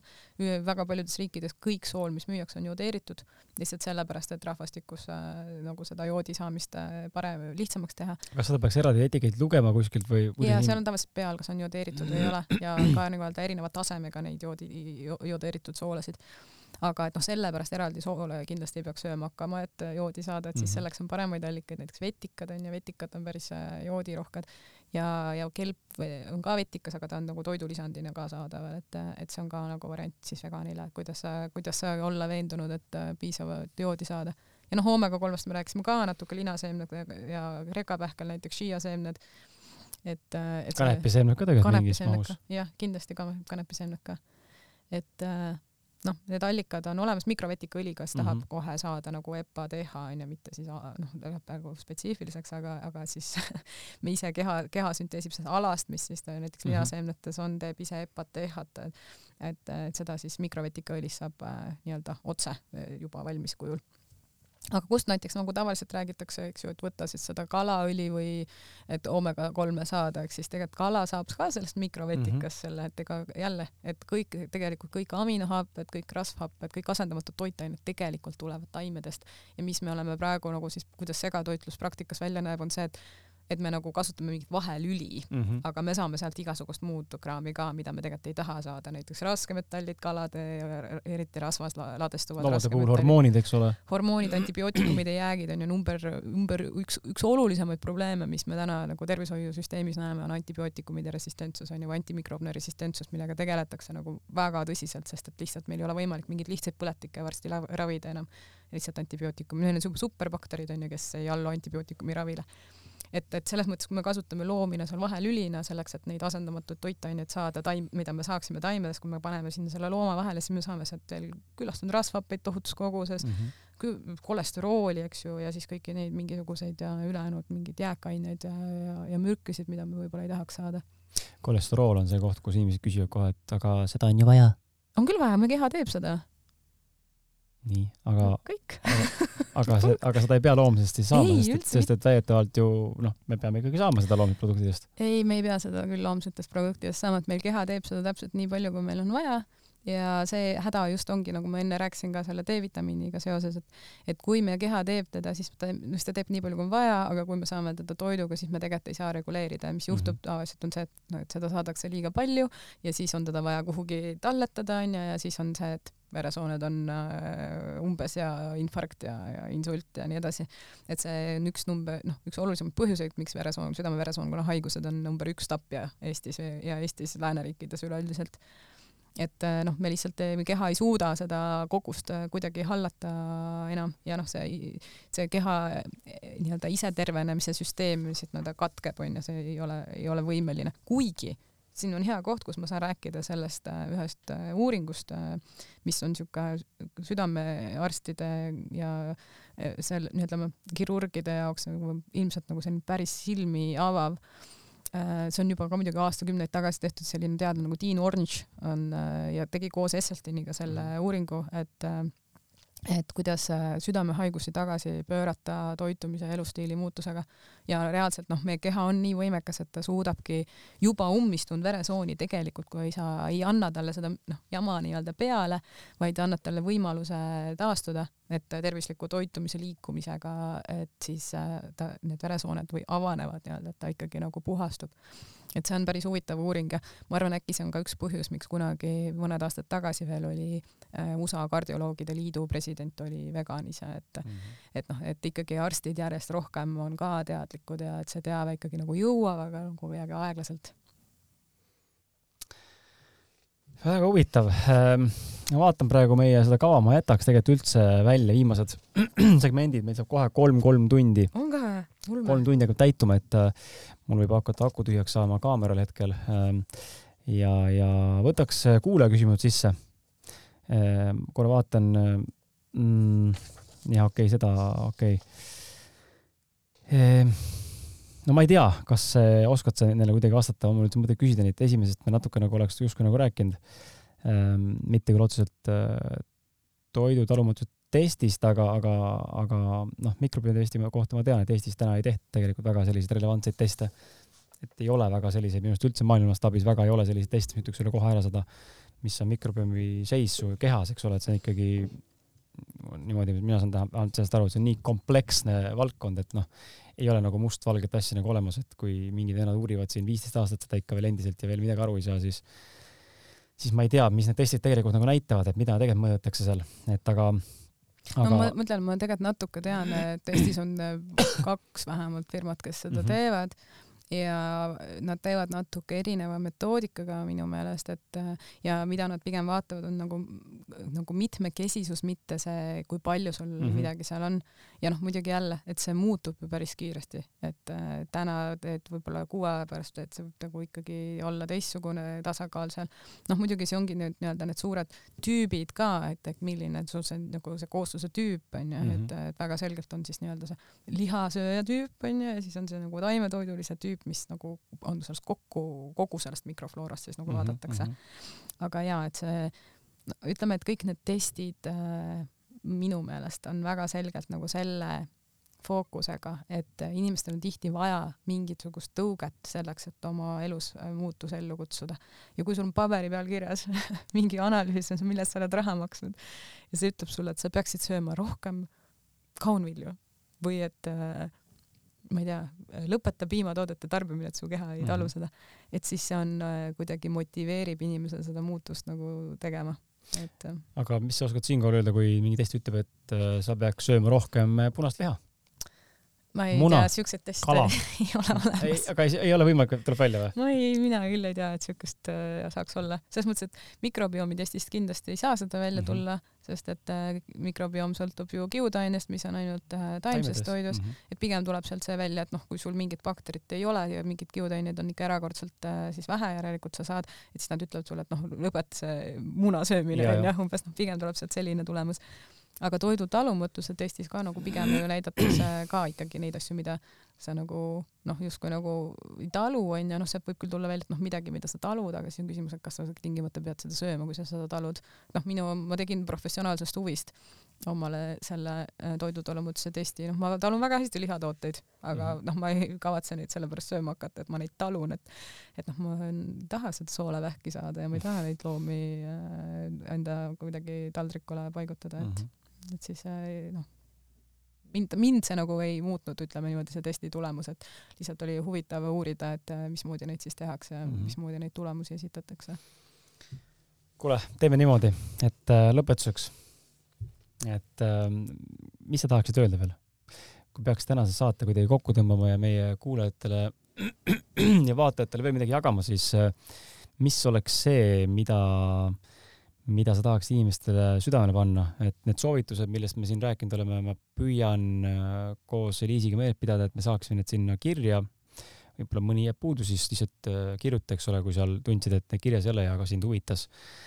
et siis saab ka selle info, aga mis me, mis, mis, mis sa tahaks veel öelda inimestele, et äh, me oleme tegelikult päris laialt põhjalikult siin nendest asjadest rääkinud, ma usun, et kes meid täna siin kuulas, no ma tahaks nagu loota, pigem nagu usun ka, et pigem nagu oli hariv ja, ja nagu tõstev ja, ja selles mõttes nagu informatiivne, et inimene sai nagu aru, kui oluline on taimne toitumine, nii-öelda taime ta,, mitmekesi-, taime, taimetoidu mitmekesisus onju, et äh, mikrobiomi olulisus, äh, miks on oluline olla tervislik ja nii edasi, et aga mis sa, mis sa tahaksid õpetuseks öelda, kui sa üldse midagi öelda tahad? jaa, ma, mul on alati väga palju muidugi öelda, aga ma ma loodan ka sedasama vist, et äh, mida sina, et tekkis äh, mingisuguseid äh, uusi mõtteid ja huvi, et edasi uurida, sest tõesti seda infot on ju nii kohutavalt palju ja see paraku on täpselt see info, mida sa pead ise otsima, sest et sulle ega seda keegi mainstream meedias ei, ei eksponeeri.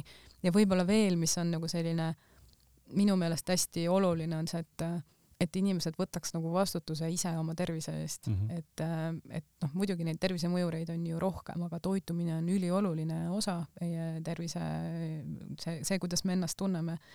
aga et, et me teeksime neid valikuid teadlikult, mis me teeme, et, et see, me ei saa tegelikult paraku usaldada seda, et noh, letil müüakse, et järelikult on tervislik, ei ole, et see on juba, on ju näha, eks ju, tubakas, alkohol on müügil ja see, selles mõttes, et kus on nõudlust, seal on pakkumist mm. -hmm aga et, et me teeksime seda valikut siis vähemalt teadlikult, et et ärme siis nagu tekitame seda nõudlust, et võib-olla siis ka turustruktuur nagu mingil hetkel ikkagi muutub ja noh, tegelikult ta ju muutub, me näeme, et muutub. aga, aga ei muutu piisavalt kiiresti, et, et noh, lihtsalt et see on kohutav, mis, mis mõjud on meie toitumisel mm -hmm. nii loomadele kui keskkonnale kui ka tegelikult nagu tervisele üldiselt, et milline raha läheb sinna, eks ju, et inimesi ravida selle asemel, et tegeleda sellega, et meil oleks võib-olla tervislik toit paremini kättesaadav.